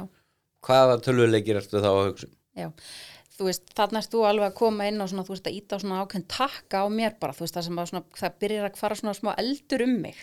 Hengi. Já, sko, það er nefnilega það. Nú á ég þess að strák sem er 11 ára og hann verður 12 ára núna í vetur og hérna, ég held hann hafi verið kringum 9 ára þegar að Fortnite var svona vinsælasti leikurinn meðal drengja á þessum aldri og uh, hann spyr með einhver tíman, uh, mamma má ég fá hann leik, hérna Fortnite, allir vinni mínir að spilda og ég vissi að hann var að spilda inn á öðrum heimilum og svona. Og ég bara eitthvað svona, já, hérna já, já, já, já, ok, þú veist eitthvað. Var ekkert alveg, uh, síðan fer ég að taka eftir bara uh, svona hegðunabreitingum hjá hann, ég fór að taka eftir að hann uh, fór að, í fyrsta skipti á sinna æfi að upplifa kvíða. Átti erfitt með að sopna á kvöldin Um, fannst það að vera svona meira dapur, veist, hann er alveg óbáslega lífsglæður og algjör svona íþróttastrákur að æfa bæði handfólta og fótbolta og mikið úti og svona aktífur. Og ég fór bara að taka, taka einhvern veginn eftir að mér fannst svona eitthvað innra með honum bara einhvern veginn ekki vera í lægi, það var eins og hann væri upplifið eitthvað vanlíðan. Og ég næ honum á gott spjall og hann fer svona svolítið að lýsa í, þú veist, að hann er að upplifa vanlega tengda því sem er að gerast í þessum leik, þú veist, það er verið að drepa fólk og þú ert, þú veist, eitthvað svona, ég er náttúrulega hef ekki spilað hann leik en En nú ert þú alltaf að tala um sig þetta sé ekkit þannig leikur. Ég spila Já. aldrei töluleiki og Já, þú veist, það er, að- þú veist, það er ekki blóð eða neitt þannig en Nei, nei, nei. vissulega að þú ert að skjóta fólk þú veist. Já, En ef að tilgangurinn er að, að drepa aðra, að skjóta, mm þannig að með tímanum fyrir þetta ekki að vera svolítið eðlilegt og ef þetta stangast ekki því sem að þú ert alveg uppið að trúra á, Já. þá kannski geti það yttir. Já, en það Kvíða. sem gerist í kjölfara að þessu er að, að það er síðan kallað hana til fundar meðal fóreldra í skólanum hans um, að það er komið ákveðin svona hegðunavandamál í stráka hópin að það er mikið svona þetta tal, þú veist, í úr þessum leikjum og það er ekkert endilega bara Fortnite, það er alveg fleiri leikir en hérna, og kennararnir hafa mikla áhyggjur á þessum, þessari þróun og kalla í okkur, okkur fóreldrana til þess að taka fund og svona ræða, þú veist, hvað eigi að gera í þessu og, og þar er ég svona dálítið eh, svona eina fóreldrið á móti hinnum og sagði að ég ákvaða að spila hann leik í klukktíma bara með stráknum mínum til þess að sjá hvað hann væri að gera. Og ég varði rauninni bara fyrir smá áfalli þú veist bara hvað þetta væri mikið áreiti af bara ofbeldi og hérna það væri verið að einmitt keppast í því að drepa sem flest og eitthvað svo leiðis og ég sagði bara þú veist þetta, mér finnst þetta ekki vera leik fyrir börn og ég ætla ekki að leifa honum að spila hann leik fyrir hann fær aldur til sem ég ég held 13 ára sem ég finnst að persónulega reyndar mjög ungt en hérna ég hugsaði bara að þetta er bara leikur sem verður bannaður á okkar heimili. Og það voru einhverjir fóreldrar sem ákveða að taka undir þá sem fundi en margir sögðu bara veist, það er ekkert að svona leik og þú veist þetta er bara hluti að því að alls þau sem bann í dag. Og allt í góð, ég ber algjörlega virðingu fyrir skoðunum annar og þær þurfa ekki að vera sömu mínar. En það sem við tókum eftir bara mjög stundum tíma er að hans líðan bara varð mun betri og hérna við sáum bara beina tengingu á milli þess að spila þennan leik og að hérna líða illa. Og það sem er náttúrulega kannski að besta í þessu öllu það er að hann uppgötar það sjálfur. Þannig að hann fer að hætta að vilja leika við e, vini sem að vilja bara vera í þessum leik, hann segir bara nei, ég ætla að fara til fókbalta e, ég er að gera annað. Og hann fer að spila alveg aðra tölvuleiki. Þú veist, hann er algjörlega húgt á FIFA, þú veist, hann bara elskar það En fyrir fóreldras, því nú eru margir og þetta Já. var eitthvað vandamál sem að við vorum að kljást við vetur og bara hann ég og Siggi og batsmóður hans Sigga og maðurinn hennar við bara settum niður saman á ákveðum og gerðum Mhm. svona þú veist, tímaramma, hann fekk bara klukkutum að dag og að þetta var að fara að Mhm. valda hann mikil vanlegan Já. og sá það bara og ég held að vera við alla mm og unga krakka og líka fullorna, Siggi, þetta er fyrir þig að hann hvað er hægt að gera því ég held að fyrsta sem að geti gerst hjá ekki, ég veit ekki hvort þú veitir svar ég bara allt í veist hvað þú taldi er að ég er alveg trúa að fyrsta fyrstu viðbröðin hjá börnum væri bara reyði að taka Mhm. leikinn frá. Að, að, sem er alltaf leið, ég meina við erum Já. fóreldrið, við setjum já. en hvað, hvað á fólk að gera ef að börnin kannski eru bara lengi reyð að, mm að ég held að margir þeir hald- haldi þetta ekki út. Já. þetta var svo erfitt eftir nokkra daga -hmm. þegar bara allt snýst um þetta og þá bara ok, farðu aftur að spila að því fólk kannski Mhm. bara komið í þrótt líkið bara í lífinu það er alltaf líka komin í kulnun eða upplýðið Mhm. mikið svona mikla örmögnun allan daga þá, Það var bara ákveðið Það- frí þá- fyrir því að krakkin fari í tölvuna já, þá er ákveðið frí fyrir krakki fyrir tölvuna og þú Mhm. kannski átt erfitt með að alltaf að sinna því að, að, að, að fylgja því og eftir Já. Mér finnst þetta bara rosalega góða punktur og það sem gerist hjá okkur var að við bönnuðum hennan leik og hann var náttúrulega verulega ósáttur þá en það var hann ekki þá búin að gera gera sér grein fyrir hvað áhrif þetta var að hafa hans líðan og við vorum náttúrulega bara vestu fóreldri heimi og náttúrulega einu fóreldrarna sem hann upplið að væri bannið þetta því að nánustu vinn hans uh, voru fengu að spila leikin heimi á sér. En það sem að fyrir að gera veist, auðvitað náttúrulega bara maður verður reyður og, og, hérna, og allt það og hérna svo bara jafna maður sig og hann bara finnur það að veist, það er bara ekkert í bóð að spila ofbeldisleiki heim í okkur og, og þá er bara að búið að setja ákveðin mörg og þau finna það og ef maður er staðfastur í veist, þetta er bara bannað heim í okkur þá á endanum bara átt að þess á því að veist, það er ekkert að fara að gerast og þau finna sér á endanum eitthvað annað að, gera og, veist, og hann er bara til dæmis ótrúlega mikið í íþróttum og úti og alltaf eitthvað svona að hérna elska dýr og fyrst ótrúlega gaman umgangst þau og fræðast um svona alls konar tengt dýrum og þannig. Þannig ég held einhvern veginn að við verðum líka sem fóldrar að geta tekið ákvörðun og staði með henni fyrir bönnur okkar. Að því að þau hafa kannski ekki þroskan í að, að segja, þú veist, herðu okkur þetta er ekki gott fyrir mig að vera í óðbeldisleikjum en þú veist, ef að við komum með þessi skýru skilubóð og segjum bara, þú veist, þetta er ekki bóðið með okkur, við gerum aðra hluti að þá bara munið þið vennjast í og hann hefur alveg spurt í dag, hann er að vera 12 ára hvort hann megi einhver tíma að spila þessu leiki. Og ég hef sagt bara já þú ert orðin eldri. Og það er ekkert neina ekki meira spurt en það. Ég veit hann kíkir stundum á þessu leiki hjá vinnum en mjög sjaldan, hann bara hann, hann kemur oft heim og segir, veist, já þessi er að fara í þennan leik, þannig ég ákvað bara að koma heim ég nenni ekki að vera með, mér finnst þetta leðalegt þannig ég held að við gerum oft kannski lítið úr því að leifa börnum að finna, er þetta gott fyrir mig eða ekki og við hefum aldrei gleyma því að þegar börnum mitt mótmæla eða fara í fílu og þú veist, bara þetta, við erum verstu fólaldra í heimi við verðum að leifa þeim að upplifa það. Það er umverulega þeirra upplifun. Þú veist, við erum að taka eitthvað frá þeim sem þau elska og þá bara leifum við þeim að gera það. Þetta er samt eitthvað sem ég geti yfirfært á yngri, ég, því hann vaknar oft svo snemma Já. og svo bara eftir eitt ár þá bara var ég árin buguð og vakna alltaf kláðan fimm og mm Mhm. þegar komið hitt, þannig ég gríp rosalega mikið í iPadin. Já, Mér finnst iPadin algjörst æði en mér finnst leðilegt hvað ég fyrir að nota hann mikið. En ég vildi ekki taka á því í sumafríinu, en Mhm. Langar að setja núna mörg eftir þegar hann byrjaði í leikskólanum. mm En þetta finnst mér ofta, ég bara á erfitt með, ég er bara svona örmagna, ég rétt honum bara iPadin. Mhm. Senda hann aðeins fyrir byrjum eða veist, á mótnana, svo ég fá bara smá breyk, Mhm. annars bara krassa ég, þegar bara hágráta. Þannig að þetta er svolítið komið í ring og hann náttúrulega vanir að fá svolítið mikið iPadin. Já, og þú ert ekki einn. Það eru bara aðra mömmur og aðrir pappar og bara fóreldrarna úti sem að upplifa alveg að sama að þetta er ákveðið tæki sem að þú getur, þú getur keiftir smá frið. Þannig að, En hver er þá þín skoðun á til dæmis eins og raf íþróttum? e, mér finnst það bara frábært. Mér finnst þetta algjörlega frábært að sé verið að opna bara svona einhvern veginn, eh, veist, að það má hafa áhuga á miklu fleiri hlutum heldur en nefnitt bara kannski að skara fram úr í íþróttum. Þú veist, þú mátt Já. vera ótrúlega góður í að veist, búa til tölvuleiki, allir þessi forröðun, þú veist, að spila þessa leiki, veist, og það eru svo margi flotti leikir til og sem eru líka bara mjög þroskandi og fræðandi, þú veist, þannig að það að ég sé á móti ofbeldisleikjum er all, fyrir ung börn er alls Já, ég, ekki ég, ég, að ég er alveg tölvuleiki. nýjára er alltaf ungt fyrir Fortnite sko. já, já. Þannig að mér finnst það bara frábært, mér finnst bara frábært að það sé verið að opna og ég með langar einmitt að fyrst þú veist að nefna mitt þetta að þá hérna því að mitt börnum mín er í skóla í Kópói þar sem að er spjaltölur þau fá spjaltölur bara mjög ung og fyrst þegar maður var að hérna, fá spjaltölunar þá var maður alveg bara guðin góða byttu hvað þau bara alltaf verið í iPadunum núna heima og eitthvað því þau eru að vinna heimavinnuna í iPadunum En þar sem að ég á börn sem að til dæmis eh, glíma við elsta dóttur mín með lesblindu og miði dóttur mín hún er með ADHD þar ég oft erfið með að læra uh, eitthvað svona bara beint af blaði eða upp úr bók eða þú veist að hérna nú átt að skrifa rítgerð þú veist.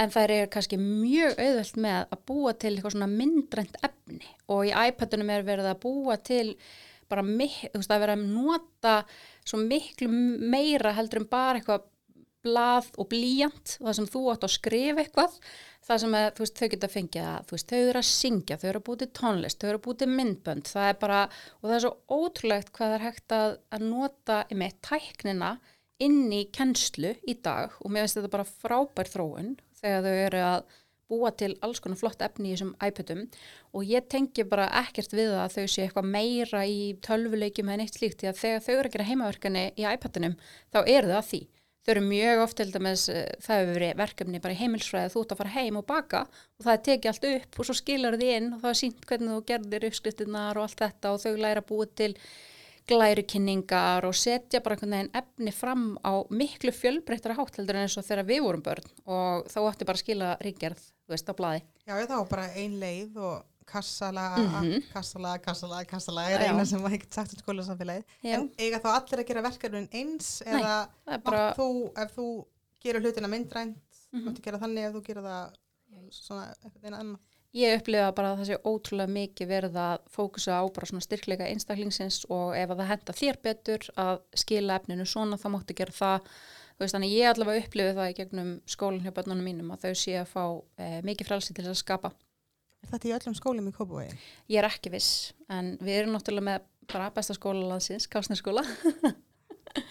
Býið mitt beint fyrir neðan það sem er að byggja Kásnarskóla núna, Já. kemur aftur. Já, Já, þetta er spennandi. Ég, hann er uh, í Reykjavík, þetta er 12 ári okkur og hann er ekki með Já. iPad í skólanum. Nei. En þetta er mjög sniðugt. Við, við notum tölfur í allt.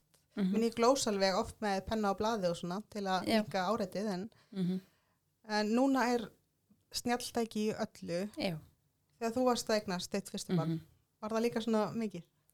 Nei, og þetta er þú veist, eitt af því sem að mér finnst alveg bara hérna, bara mjög, eh, sagt, þetta er bara bein tenging inn í þetta málefni sem við erum að fjallum í dag, þessi fóreldrakulnun, að það er að um, samfélagsmiðlar til dæmis er að hafa gríðilega mikil áhrif á líðan fóreldra og það er alveg óbáslega auðvelt fyrir okkur bara sem hérna fullorðna einstaklinga að segja bara, herðu, þú veist, ég menna maður ræður hverju maður fylgist með og, og þú þarft ekkert að vera inn á samfélagsmiðlum, þú veist, alltaf og allt þetta og það er alveg rétt.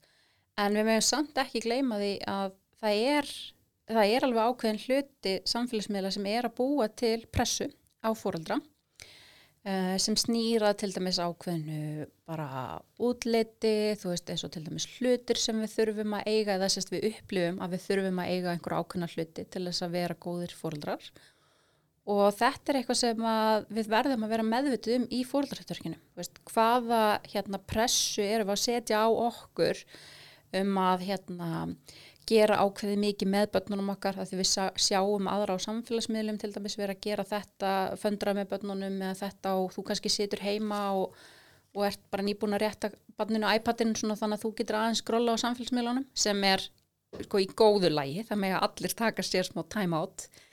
Og hérna og það er kannski svolítið svona áhagverð bara að skoða það hver eru áhrifin? Og núna hef ég til dæmis svona svolítið samanburð mun að því að þegar ég egnast eh, elstu dóttu mína, hún er sagt, 17 ára í dag, þá er ekki eins og til Facebook. Og svo þegar þessi 14 ára, hún fæðist 2007 ég held að Facebook komið 2008 þannig ég man alveg eftir að þegar maður byrjaði kannski inn á Facebook þannig, þá var þetta kannski klukkutíma á kvöldinu eitthvað þegar börnum voru sopnið að maður eitthvað svona fór að kíkja á Facebook eitthvað svoleiðis.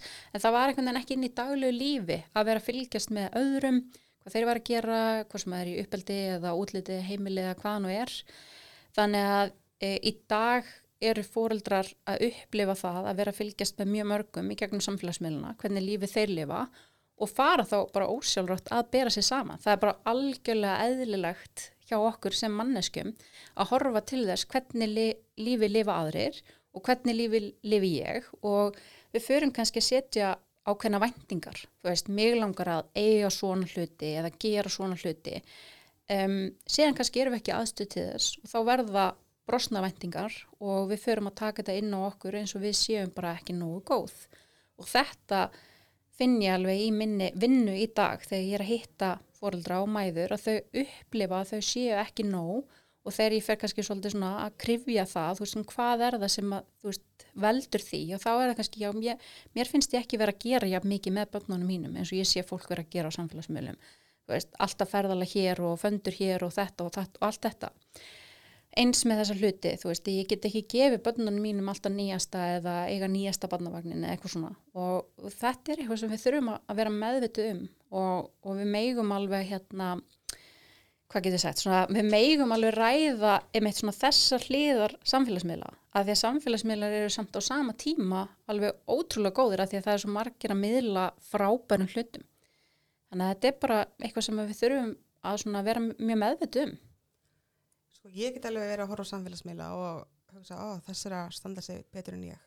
En, en ég er svo mikið alltaf með hann að hafa mm -hmm. hugranna atverðlis með ferða var það fyrsta sem ég hugsa bara, já þessi er að gera betur en ég. Svo, nei, ég síni til dæmis á mínum, að því nú erum við báðar með svona opna reikninga já. að ég halda í síni bæði, ég reynda að sína eitthvað þegar börnir eru öskrandi að þeim líður ekki vel en ég síni til dæmis, oft erum við að mála að föndra mm -hmm. og meni, það getur verið í korter, það getur verið í klukkutíma en svo síni ég líka kannski næsta dag með iPadin mm -hmm. og svo fyrir við í ferðalag og það er eitt Kodak moment þar sem börnin eru að brosa tveim sekundum setna mm -hmm. er bara hell gone loose sko. Það er bara allir öskrandi og hundarnir farnir og ég er bara oh my god og strákurinn gerði niður í sig og bara allt þarna alveg færi. Er, og ég er kannski búin að posta myndinu en, og að, það er mjög fyndið en þá þarf ég að hugsa ok, hvernig eru mínu dagar?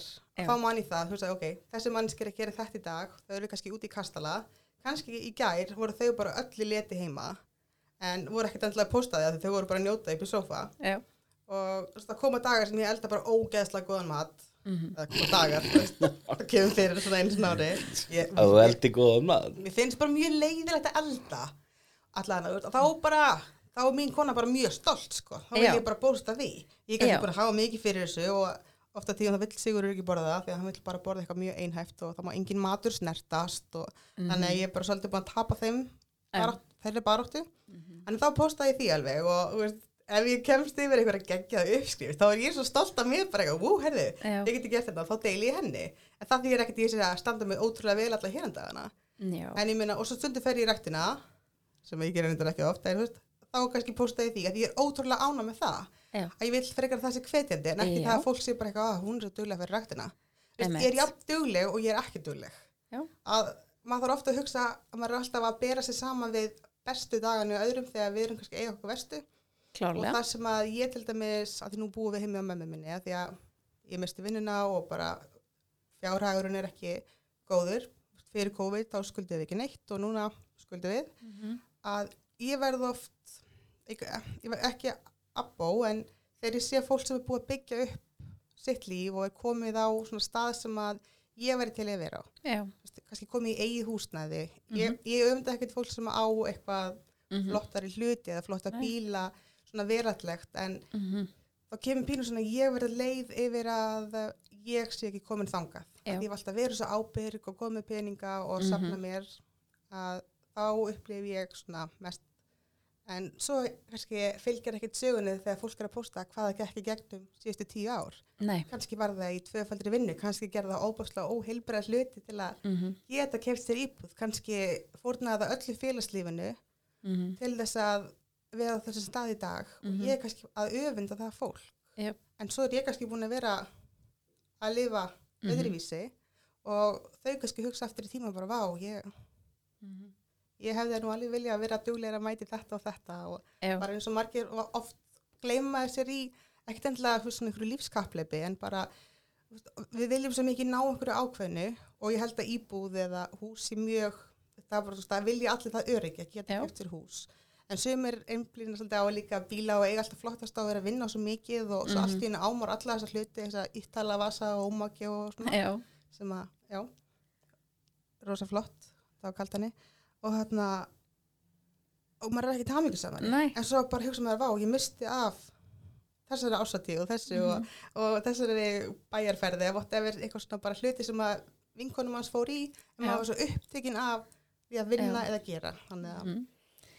Já, ég hérna, það veist að, þetta var stutt að segja því sem ég hugsaði um því að horfa aðra samfélagsmiðlum ef ég upplifi öfund að vera ekki alltaf að bera mig saman við.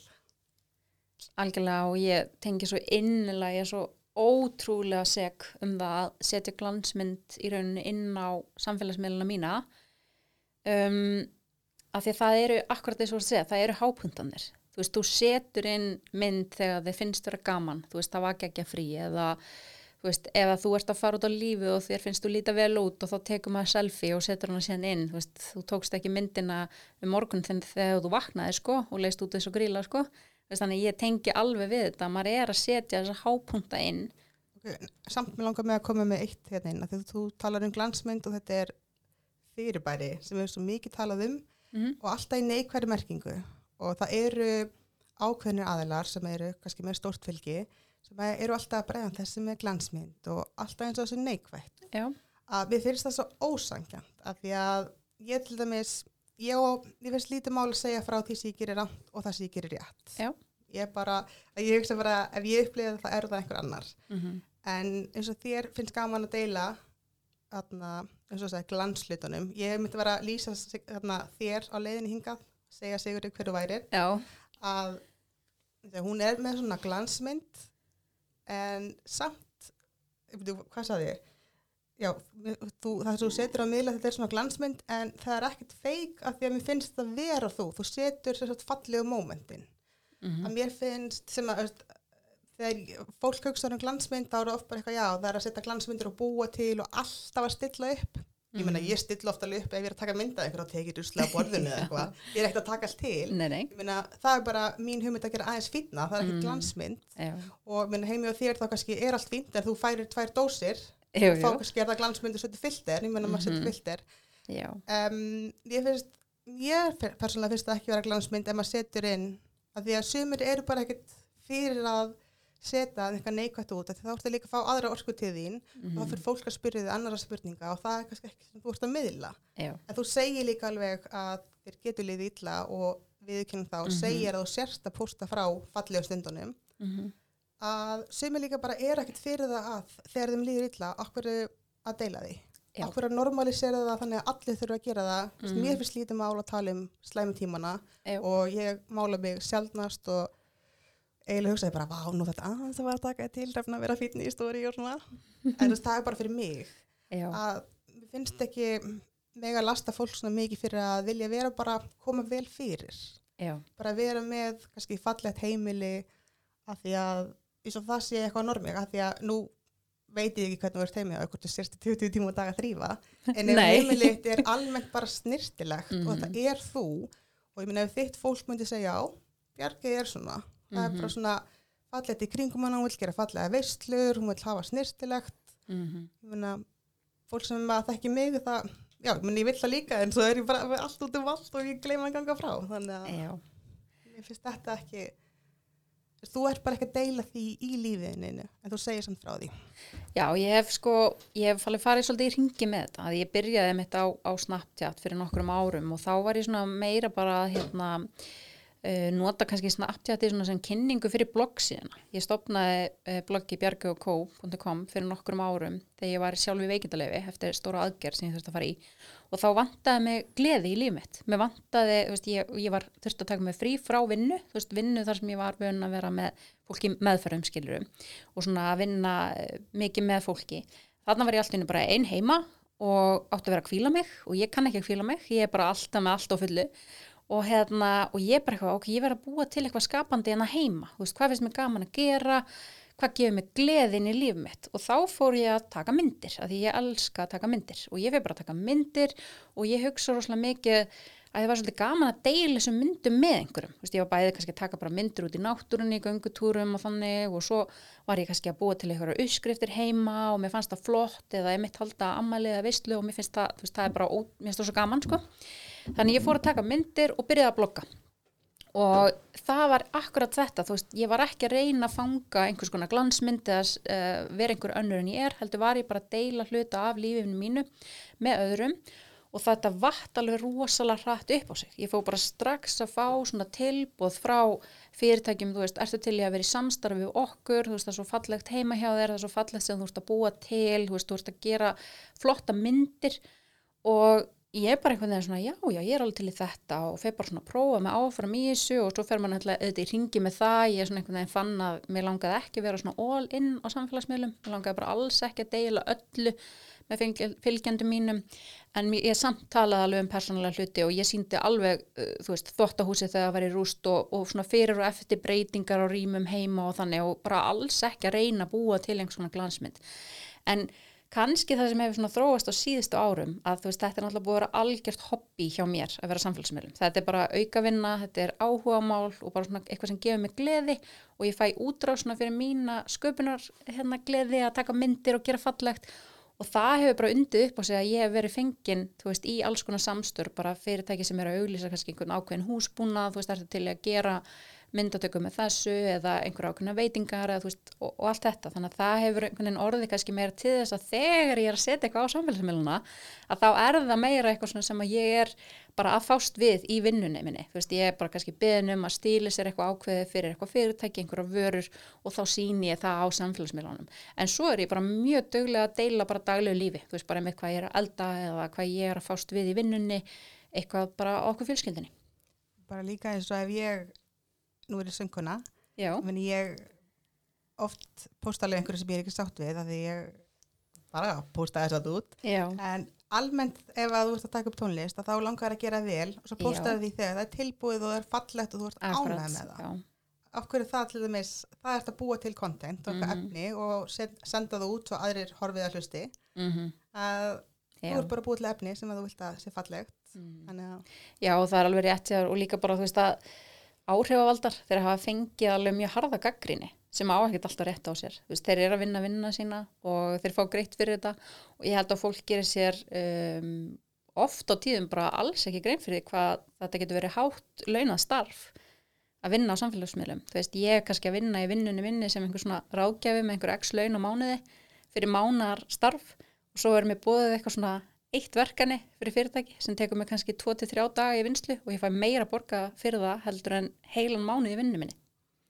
Veist, þetta er náttúrulega bara ákveðin starfskrein og fullt af fólki sem er að vinna við þetta. alveg bara mjög mikið og Mm -hmm. svo er ég alltaf að sjá að þessi áhrifaldi þessi hérna, Já. já ok, ég, ég fylgir svo lítið með að því er svo ekkert inn í neina eitthvað Já. þannig að en finnst þér, nú hefur þú unnum með svo mikið mæður og, Mm og foreldra hvað er helsta vandamálið þegar sem koma til þín? Hvað er fólk að upplifa sem af hverju líður fólki illa? Er það að bera svo svona mikið saman við aðra er það hvernig, er það þunglindi Já, það er náttúrulega það sem við komum inn á áðan að sem sagt, e, í ráðgjöfunni minni, leiðin á hjartanu, þá er ég svona að vinna bara með þessa þætti sem að ég fór í gegnum sjálf, að ég þurfti að finna sjálf mig upp á nýtt. Þú Veist, ég var tínd, ég vissi ekkert hver ég var, ég vissi ekki hver ég hefði áhuga á, ég var bara mamma, ég gerði ekkert annað en að tína upp úr hennar sokka og skeina og, og hugga og svæfa og allt þetta. Og svo bara allt í hennu vaknaði upp eitt daginn og bara býtu hver er ég? Veist, hverju hef ég áhuga á? Og hérna hvað vil ég gera í framtíðinni, hvað vil ég vinna við og hvað vil ég menta mig í allt þetta? Og að því sögðu þá finnst mér sko fóldrahlutur ekki samt það besta sem hefur komið fyrir mig í lífinu og ég elska ekkert meira en að vera eitthvað að stúsast í heimilinu og með börnunum. En það var ekki góð tilfinning að vita ekki hver þú ert og hvert þú ert að stefna. Þannig að ég fór í þessa vegferð mína sem ég kalla leiðin að hjartanu. Ég þurfti að fara að finna hver er ég hverju hef ég áhuga á, hver eru styrkleika mínir hvað vil ég verða betri og hvað vil ég eigða tímanum mínum í Börnunum okkar en við getum líka búið til rými fyrir okkur sjálf. Og mér finnst það alveg gríðarlega mikilvægt að maður geri það. Og þegar fólk kemur til mín í ráðgjöfina þá er fólkið vel eitt að upplifa með þetta. Það er tínt, það veit ekki hvert það er að fara, það þarf aðstofið að e, sagt, setja raunhæfa markmiðasetningu. Og ég svona leiði fólk svolítið í gegnum þetta ferðalag um, sjálfsræktar að byrja á því mikilvægsta sem er sjálfsumhyggja að fara að sína okkur sjálfum mildi og kærleika og fara að skoða hver við erum og hvaða tilfinninga við höfum. Og þessi viðurkenning á þeim tilfinningum sem við upplifum tel ég vera einna mikilvægast. Þannig að þegar ég fæ til minn fólk sem að upplifi er að það veit ekki hvert það er að fara eða hvað er að gera eða það sé allt bara neikvægt og erfitt þá byrjum við þessa vegferð veist, hver ertu, hvað viltu og við förum inn í þetta að við verðum við verðum að þi- okkur, verður að þykja vænt um okkur sjálf til þess að vilja okkur það sem er okkur fyrir bestu. Því ef við erum að upplifa bara neikvæðar tilfinningar í okkar garð að þá auðvitað viljum við ekkert gott fyrir okkur. En þú ert í pínum eð, þegar þú ert að lýsa þessu fyrir mér eins og Mhm. markþjálfun. Þetta getur í rauninni verið svipað en samt sem áður ekki. Markþjálfar eru að svona svolítið meitt að hjálpa fólki að finna sig og ég náttúrulega er ekki markþjálfi þannig að kannski er auðvitað fyrir mig að lýsa í nákvæmlega hvað þeir gera. En það sem ég er að vinna með í ráðgjöfunni það er byggt á því sem ég lærði í félagsráðgjöfunni veist, samtalstækni og bara svona alls konar með fólk og, og mannlega hegðun.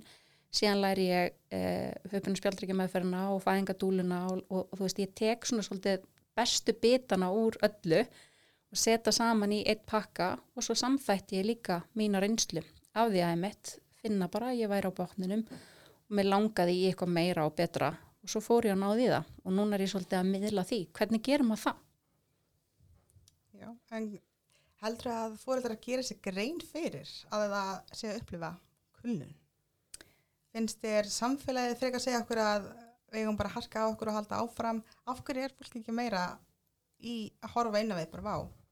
Er ég mögulega að ganga fram á mér? Er þetta eðlilegt ástand? Hvenær veit fólk í rauninni hvenar toppinum er náð eða hvenar væri rétt að fara að leita sér einhverja aðstofar? Akkurat og þarna kemur akkurat inn á það að sko kröfur bara samfélagsins, nútíma samfélags, það eru náttúrulega bara fáránlegar á fóreldra. Þú náttúrulega átt að vera í fullu starfi, svo átt að sinna börnunum þínum af heilum hug og þú átt að taka þátt í öllu þeirra skólastarfi og tómstundum og vera involviðar einhvern veginn í allt sem þau eru að gera og á sama tíma náttúrulega átt að hafa tíma fyrir að, að rækta líkam og sál og, og líta vel út og allt þetta og ná þínu starfsframa. Þannig að þetta eru kröfur sem að bara eiga sér einhvern veginn, enga stóðir innveruleikunum, þetta er ekki hægt og þegar að hérna, það er til dæmis tala um, já þú verður bara að, að finna jafnvægið, þú veist, þú verður bara að finna jafnvægið milli vinnu og engalifs og, og bara, þú veist, þú verður að finna bara nákvæmlega það. Og Já, ég hvað, bara, bara móa? emitt, ég ætla bara að segja ykkur það hér og nú, jafnvægi er ekki til. Nei, takk fyrir, klöppum. Já. það er ekkert jafnvægið þarna milli Og og okkur er það alltaf að vera að segja þetta? akkurat til þess að, að fá okkur til þess að hafa samvinskupið við við séum ekki að standa okkur nógu vel og jafnvægi er ekki einhver list sem þú þarfst að æfa eða ná og ef við bara hættum að reyna að ná í þetta jafnvægi og förum bara svolítið inn í eins og ég kalla það svona embrace the chaos veist, bara, bara elskaðu óreiðina Þú veist, það er svolítið það sem við þurfum sem fóreldrar að gera Er það að segja að maður er bara hægt að taka til og... Já. Ok, já. Já, glottir- Hættu bara að taka til. Glottir já hættu bara að taka til Ég er, ég er að þrýfa frá því ég vakna. Það er að sofa. Alveg sama Já. hversu mikið ég segi nú, bara slakað á, þú veist, einn Já. dag, þú veist, það skiptir engu máli. Mhm. Nei, verða að klára, verða að klára, já. ég er byrjuð. all, alltaf að preppa fyrir dúmsdag, sko. Er bara... já, já. Nei, í alvörunni, við verðum að sleppa tökunum á því sem við höldum að við eigum alltaf að vera að gera og við verðum að leifa okkur bara að vera í ó- óreiðinni. Þú veist, En að þá bara er engin diskar. Þá er allt út um allt. Þá bara... já, Þú veist, það er Engin með, ofnæmi og hann borðar Já. matinn ef ég tek hann ekki og, og, og, og svo kemur þessu og hendur á þetta og ég er bara eitthvað, oh my god, ég verð að gráta að hugsa um þetta. já, en veistu, suma daga þá er bara alltaf leið að sleppa tökunum og segja, veistu, ég ætla bara að vera þú veist, til staðar í dag, Ó, fyrir mig og fyrir og fer mín og bara, já, Siggi, ég skilði bara eftir með þetta. Ég treysti þið fyrir þessu verðuða verkefni. Ok. Þe- þetta er ekkert mál, bönnir eru í pössu. því, sko, ég skal segja ykkur lindamál sem er ekkert lindamál, þú veist þessi óreiða fer aldrei Jú, í fimm Nei. mínútur. já, Þá get í- ég tekið mynd og postað og þá ég með hjá mér. Já, og það er það sem við þurfum svolítið að átta okkur á að því að ef að við erum alltaf með þessar stöðu hugsanir, ég á að gera eitthvað, ég á að gera miklu meira en ég er að gera, ég þarf að vera að þrýfa, ég þarf að vera að taka til, ég þarf að lalala, þá erum við alltaf stöðugt með þetta áreiti í hausnum á okkur, að við séum bara ekki að standa okkur, að því við erum alltaf að segja að þú ég á að vera að gera meira. Við verðum að sleppa þessum kröfum og leifa þeim bara að fara og þú veist, finna okkur tíma til þess að rækta okkur sjálf, til þess að vera í bara samveru og njóta. Hætt að gefa mér illt ykkur ráð. Sigurður. en þannig að Hlustaði á þetta. ég er að hlusta á þetta, ég er, nú ætlum ég að spyrja, Mhm. þannig að ef ég tilenga mér þetta Mm. og bara allir sem er að gera mikið, allir nema Sigurður, af því að hann er alltaf bara, Ég, ég, ég kann að meta óreðina. já, þú kannt að, að njóta. Hann kann að Já, njóta hann kann að njóta aðeins. og- Það er gott, er gott að vera einfaldur. Já, það, já, já, já, einmitt. Mhm. Þarna, þannig að ef að fólk næðir að bara slaka, ég veit ekki hvernig ég orða þetta, bara Já. ef maður er að einfalda hlutina og, og við erum ekki alltaf að gera eitthvað, að þá Mhm. lendur maður ekki í kullun, ætla að segja það. Nei, það sem ég er að meina með þessu er að þegar, þú varst að mynda að tala um, hverjir eru það sem koma til þín, veist, hvað er fólk að upplifa? Og það er þetta sem ég er svolítið að benda fólki á, að við erum að setja náttúrulega mjög óraunhafar kröfur og væntingar til okkar sjálfra, þú veist, hvað við eigum að vera að einhvern veginn svona gera, veist, við eigum að vera búin að vinna svona mikið, að ná þessari mentun og við þurfum að eiga svona heimil og bla bla bla, við töluðum um þetta aðan. Ég skrifaði mitt pistil í vor, svona í kjölfarið af því að ég var að fá mjög marga tímin í viðtöl sem voru að upplifa að þeir væri ekki nóg. Og ég heyrði þetta svo oft, uh, pistillin minni mitt hétt, þú veist, bara mamma, þú veist, að, það er ekkert bara. Þegar fólk kemur til mín og segir, um, já, ég er bara mamma, en ég vinn líka, þú veist, aðra hverja helgi á, á hérna, Subway til að fá meiri tekjur eða eitthvað, þú veist, það er bara ekkert bara við það. Það að vera foreldri í fullu starfi er mjög mikil vinna og við erum ótrúlega góðið í að setja þetta bara fyrir framann eitthvað eins og já ég er bara búið með mentaskóla eða ég er bara að vinna þarna Nú hef ég búið víða í heiminum, Já. þetta er ekki annar staðar. Nei. Það er ekki eins og neð, sko, til dæmis bara á spáni, mm skiptir ekkert máli hvað þú ert nei eða tekjur, það er bara, já, Nei. þú ert einstaklingur. Já. Það var mín upplifun, sko. mm En hvaða ráðleggingar myndir að við, nú erum við hérna hjónaleysin mjög ólík. Já, og aðeinsfæri þá geti líka alveg verið mjög löt. Þannig Mhm. þá kemur upp smá gremja því að ég svolítið bara kýli mig í gang og geri og mm við hlutina að, það gerir mig svolítið pyrraða og ég er að nota mjög fallegt orð það gerir mig miklu meir en pyrraða hvað mér finnst hann ég með finnst hann nota sín áhugamál sem flóta mm og ég er ekki fyrir að orða svona eins og við séum einhverju samtals með fyrir tíma heldur bara Nei. því ég held að óbáslega margir eigi maka sem eru háðir tölvuleikjum og hann til dæmis mér finnst mjög gott að það sem er heilbritt áhugamál þá mér finnst það mjög kjánulegt áhugamál þetta frisbeegolf ég reyndi að fara í það, það er bara mjög asnalegt. Ég er bara með óstóð brjóst til að geta kasta hann á frisbeedisk það er bara alltaf fyrir og eitthvað. Þannig að ok allavega það er svolítið off point. En hann að hvað hvernig geta pör unnið úr þessu annars að mér finnst ég vera að með samar yfirvildið okkur um einasta degi að ég bara svona að tuða og þræta að ég efast um að hann hlusti þannig á þetta að það Mhm. er raunin ekki fyrir en ég bara virkilega bara sest niður og segi bara ég er óbæðslega sár. Já, og við erum aldrei að rífast ég, ég segi aldrei neitt svona reyt í hann en ég þarf alltaf að setjast niður og tala um bara eitthvað svona alvarlegt samtal svo Mhm. að hann átti sig á því að ég þurfi meira. Mm já, ég held að þarna komum við akkurat inn á það sem við svona byrjum aðeins á aðan en fórum ekki alveg inn á. Það er þessi hlutverk inn, okkar inn á heimilinu. Þessi hérna bara húsverkin og heimilið og bara allt þetta sem tengist umunum barnana og þetta er líklegast eitt stærstu svona, eitt af þessu stærstu málum sem koma upp þegar pör verða foreldrar að það er þessi skipting ábyrðar veist, hver á að sjá meirum börnin á meðan að það er unnið fyrir tekjum? Veist, það þarf að ákveða hver á að vinna meira og meðan hinn er meira heima svo er, þarf að ákveða veist, hver sér um heimilishaldið og húsverkin veist, og allt þetta. Og við þurfum öll einhvern veginn að finna tíma og rými líka til þess að vera við sjálf og vera einstaklingar.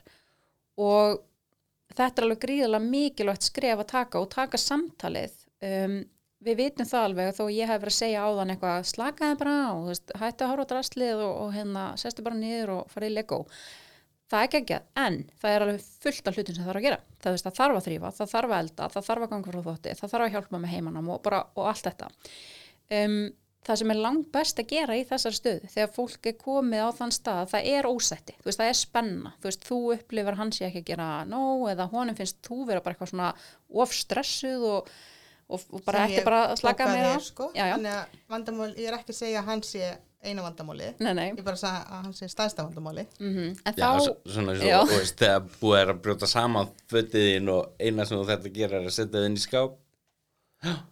Við erum að tala um þín vandamál nú Já. ekki mín. Já, þá er bara gríðilega mikilvægt að setjast niður og gera lista. Það þarf að gera lista yfir það sem eru verkefni sem þarf að gera. Elska lista. Já, og svo þarf að ákveða hver gerir hvaða hluti og þetta getur verið misjánt bara milli para, þú veist, er einhver ákveðin með sín verkefni eða skiptustu bara á og það þarf auðvitað að komast að samkomulagi um það. Og það þarf líka að komast að samkomulagi um það. Menna hversu oft á að skúra? Veist, hversu oft á til dæmis að elda skiluru, er stundum bara eitthvað í matinn sem er til í ískapnum skiluru eða erum við bara að fara að leggja borð fyrir alla og elda máltíð og allt þetta? Þannig að maður verður einhvern veginn að eiga samtalið og þessi þriðja vakt, það er það sem að margar konur er að upplifa að þær beri ábyrðina á. Og fyrir þá sem ekki vita þá er þriðja vaktin svona þessi ósýnilegu verkefni sem að um, við tökum á okkur tengt heimili og börnum. Eins og til dæmis að panta tíma hjá lækni, skipulegja ammali, kaupa ammalskjafir þegar börnin er að fara í, í hérna ammali og allt þetta þannig að þú veist, þriðja vaktin getur verið alveg ótrúlega mikið af verkefnum sem kannski bara annar aðalinn í sambandinu er að sinna og það getur auðvitað komið mikil gremja og ósætti að því að hérna, ef við tökum sko það sem að hérna er uh, önnurvaktin, þú veist, það geti verið hérna heimilistörun, þú veist, að riksu og skúra og ganga frá væri- matinn. sorry, ég væri reyna að netta taka vídeo af þér tala Já. og svo, þú veist, glemdi þetta silent og já, Allt ok, í góðu. já, flott, bye bye. Þannig að það þarf að komast að samkomulagi sko um að hérna, jú, við þurfum að sinna verkefnum, þú veist, að að skipta ábyrðinni, en það þarf líka að ræða um með þessa ósynlega hluti, þú veist, hverjir eru þeir og hverjir eru þeir í, í þinni fjölskyldu, af því að það getur verið mismunandi milli heimila. Og svo þarf að finna út hvernig eigum að skipta ábyrðinni, af því að það er mjög mikilvægt að foreldrar deili ábyrðinni, af því að ef það er ójafvægi inn í þessari verkaskiptingu bara á umunum badna og heimilis að þá verður alltaf einhvers konar ósætti og það verður alltaf einhver spenna í loftinu. Og það er alveg gríðarlega mikilvægt eins og þú ert bara að taka þennan dæmi úr þínu lífur hérna, það er mjög mikilvægt að þú finnir þér tíma til þess að vera þú. Að fara og rækta áhuga málinn þín og hitta vinnið þína og, og það er alveg mikilvægt fyrir þig eins og fyrir Sigga að vera í fyrstbyggólfinu og fá, að spila sína leiki sem honum er skemmtilegir þegar hann er búinn að skúra og ganga frá En hvað, að ég núna, þetta, hljóma svo einfalt að, eins og að ég einungar mig svo mikið mm. og mér finnst það eiginlega, að ég- mér finnst ekki vandræðilegt að tala um margt, Mhm. en mér finnst það pínu vandræðilegt að viðkjöna það. Já, Að ég gef mig alveg út fyrir að vera social butterfly og, og ég er það. mm Mm. Ég vil helst fara í bakbókaferðilega og vera þetta um allt og mér finnst óbúslega gaman að vera mjög virk en svo þarf ég líka rosalega mikið á að vera í friði. já, Fólk heldur ofta að ég sé bara alltaf já, en ég er bara alveg 50-50 sko. já, ég tengi við það. Að ég þarf svo mikið kannski ef ég væri að vinna allan daginn þá þyrfti ég kannski að vera heima allt kvöldið bara til að bara, já, ég er bara með svona áreitis alltaf, Já, bara ég eitthvað eitthvað tengt að ég háti þá Mhm. upplifi ég áreiti mikið og það er bara svona að kvíla mig svolítið. Mm en að því nú er þetta, ég er bara já, okkur fer ég ekki bara út? En ég veit kannski hvert ég á að fara já, allir vinkonum mín er eiga börn og börnin er kannski farin að sofa eða eru með börnin og ef ég er ekki með mín börn þá bara Mhm. nei, þá er ég ekki að fara að hanga með einhverjum annar manna börnum sko. bara ef ég er búin að fá pössun fyrir börnin mín ok, þetta hljóma aðeins meira intens þetta er alltaf að gera sikkir alltaf, ekki heiti vinkan einar hvað til að hanga með þeirra börnum mm mhm, ok, eða úr, ég gæti að fara í ræktina. Já, skal taka það til mín, ég gæti að fara í ræktina. Ég elska það, en það er bara eitthvað svona hindrun mm Mhm. að koma mér. En svo er COVID og þá kemur bara svona andli hindrun hjá mér, þannig ég bý mér til afsakanir óbóðlega mikið ég, það er ekkert lindamál sko. Mhm. ég veit alveg, ég bara veit, ég er alltaf að hugsa bara þegar hekla, yngri dóttir mín byrja á leikskóla mm, þá eru börnin byrjuð að því ég er bara búin að vera föst að þá setjum mig í svona andleitt fangelsi. Bara já, ég er bara með pössun í tvo eða þrjá tíma. Nei, nei, Mm. þá tekur ég ekki að fara að gera þetta. Og ég einhvern veginn bara svona liggum við áður en ég byggðum pössun þá er ég bara, nei, nei, það tekur þess ekki ekki þannig Mm. ég enda síðan alltaf á því bara að og veit kannski ekkert hvað ég á að fara að gera. Já, það fyrsta sem ég myndir álega gera að gera það er að byrja að taka frá tíman þannig að ef þú kíkir aðeins í dagbókina og ferði yfir bara hvernig dag er verða á næstunni að þá gæti þú séð herðu, hérna á miðgudaginn, þú veist, milli klukkan þetta og þetta þá hérna gæti skapast smá rými og þá segir þú bara Siggi, þú ert með krakkana hérna og að því að ég ætla að fá smá tíma fyrir mig. Og þú veist, þetta gæti verið tveir tímar eða fjóri tímar, skilur ok, ég ætla að grípa fram í fyrir ég, eins einfalt þetta er það kviknaði eitthvað svona ljósabyrjum mómenti Já, því ég elska skipilegja það. Já, og mér er svo gaman að gera eitthvað svona Mhm. bara dúló já, og þetta er eitthvað sem ég hef ekki fattað. Ég er alltaf að fylla bara því nú er ég sjálfstætt starfandi. Já, og, og sumar vikur vinn ég bara mjög mikið og stundum ekki neitt. Mm að ég er alltaf bara í að vinna, gera svona og er alltaf að fylla daga Já. til öllu sem ég þarf að gera. Aldrei, og kannski að ég þarf að taka podcast eða viðtölu eða hitta Mhm. fólk í va- varandi það en ég set aldrei svona tíma fyrir þig. Nei bara sem ég er ekki búin að ákveða. Já. Ég myndi aldrei taka frá eitthvað kvöld ef ég veit ekki hvað ég ætla að gera. Já, en fyrsta skrif er að taka tíma frá og, og það verður að ríkja hann að samkomla ykkur á milli að þá ert þú að fara Nei, í ákveðin frítíma. hérna, ég tek mér frí hérna. Þú verður heima hann ekki, ný, ég er að fara að keppa. Já, mér er alveg sama, þú Já. veist það, nei. Já, og þannig að þið finnið ykkur bæði rými til að eiga eitthvað frítíma. Og síðan þá ertu búin að taka hann tíma frá. Og þá er næsta skrifið að þá hefur kannski smá tíma til að hugsa hvað langar mig að gera þarna? Þá getur þú byrjað kannski að fara að hafa samband við einhverja vinkonur, þú veist, hei, eigum við að fara að kíkja þú veist, eigum við að kíkja á kaffús eða eigum við að hérna, fara í leta, veist, göngu og bara ballausar skilur eða hvað það nú er og bara það að þú tókst þetta fram Mhm. að ég sá fyrir mig bara svona viku svo bara miðvíkudagur frá 12 til 4 já, já, þá var ég bara eitthvað, já ok tók svona frá í hugunum, ég Mhm. ger allt svona myndrænt. Og svo þú, þú búin að vera að tala og þá er bara að koma 20 hugmyndir. Algjörlega, því að þú, það verða alltaf ótrúlega margir hluti sem þið langar til þess að gera og hafa tíma fyrir, en fyrsta skrifið er að taka tíman fyrir það. Og það er ótrúlega mikilvægt að gera það sem foreldri. Og það er ekki bara mikilvægt, það er nöðsynlegt við verðum að geta sett súrumskrifina fyrst á okkur sjálf og síðan á bönnum okkar. Veist, þetta er bara ótrúlega einfalt. Ég held að þetta sé líka því að hann Siggi keppir öll þriðdaskvöld í frisbee Mhm.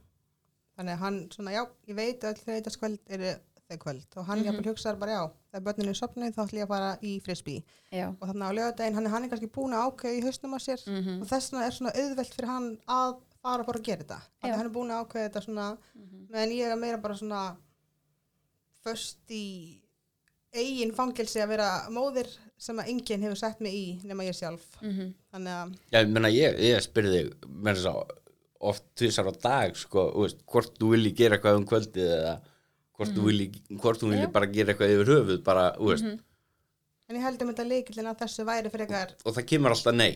Mhm. Þannig bara að, í þú veist, þá fer ég bara að plana, þú veist, Já. frisbee fyrir mig, þú veist. og þá verð ég ótrúlega bitur. Og ég veit alveg að þetta er ekkit réttmætt. Og ég segi við hann fyrir ekki að þig ég segi að segi þetta allt við þig að auðvitað er ég ánað að þú sett með áhugamál. Og ég segi við hann, ég er náttúrulega bara pyrrið út í sjálfa mig af því ég er ekki að gera veist, ég er ekki að gera fyrir mig Já. þannig mér finnst líka mikilvægt að fólk tali um það veist, að ef ég er veist, segi einhvað eða leiðilega eða reyti í hana þá er ég líka bara, ok, það, mér líður illa Mhm. en þetta er aldrei, þetta er aldrei svona reytingur þannig að fólk myndi eitthvað, wow, hrefnin dónaleg Mhm. en þú veist, inn í mér það er ég bara svona fyrirgeði að ég skuli tala svona við þig eða hugsa svona til þín að því ég vil ekki að hann gera neitt minna skemmtilegt Nei. þannig að Hún er rosalega hefði, ég tekið þetta ekki til hann, sko. Nei. ég elska þig líka En það sem við vorum með þetta ræða, það er þetta að, að hérna, ef þú ert að upplifa bara vanlíðan í fóröldarhlutverkinu og jafnvel örmögnuna kulnun, að hvernig ætlum við að komast upp úr því? Og eitt af því er til dæmis þetta að fara að búa til tíma fyrir okkur sjálf, til þess að rækta okkur. Og það er alveg gríðarlega mikilvægt að við búum enn tíma til því að það er enginn að fara að koma til þín og segja bara, æ veistu, ég held að þú þurfum meiri tíma fyrir sjálfa þig. Jú, þú ert að gera það mig Já, að því ég vinn við það. Bjargei, kemur heim til ykkar, sendir upp SMS Já. Já, og það sem að kannski skiptir máli í þessu er að við áttum okkur líka á því að, að það er svo gríðilega mikilvægt sem foreldri að halda áfram að vera við sjálf og vera einstaklingar og ég fann það alveg gríðilega stert til dæmis fyrir mig þegar ég fór að vinna meira eftir að ég fór að, hérna, eftir alla mína sjálfsvinnu og, og endurhæfinguna þegar ég fór að geta unni meira og svo í dag þegar ég er svona að vinna við bara verkefni sem ég elska, veist, hvað þetta er að gefa mér mikið sem einstaklingi að ég er að fá blómstra í mínu utan heimilis en samt þegar ég kem heim til mín að þá er ég líka áfram mamma og er að sjá um öll þessi verkefni sem eru þar. Og það er svo mikilvægt að við sem fóreldrar gerum okkur grein fyrir því að þetta er nöðsilegu tími. Við verðum að fá frí frá óreðinu stundum til þess að geta einbytt okkur að okkur sjálfum og hlúða að okkur sjálfum og rækta okkur sjálf. Og til dæmis í mörg ár öfundaði ég mannin minn alveg ótrúlega mikið að að fara í vinnuferðir. Og hún fannst að glata, hann bara þóldi ekki vera að fara í sér flug og vesinni að vera að fara bara, þú veist, gista á einhverjum hótelum og fara á ástöfn og þetta og hitt. Og ég var alltaf bara, ó, ég vildi að ég var í svona vinnu, þú veist, að ég geti bara farið einhvert og verið fríi svo er ég komin í þannig vinnu og ég ferðaðist alveg gríðilega mikið árið fyrir COVID, fór í margar vinnuferðir, ég fór út um allan heim að halda fyrirlestra, mína vegferð og ég fór á rástefnur og ég fór á námskeið og bara alls konar.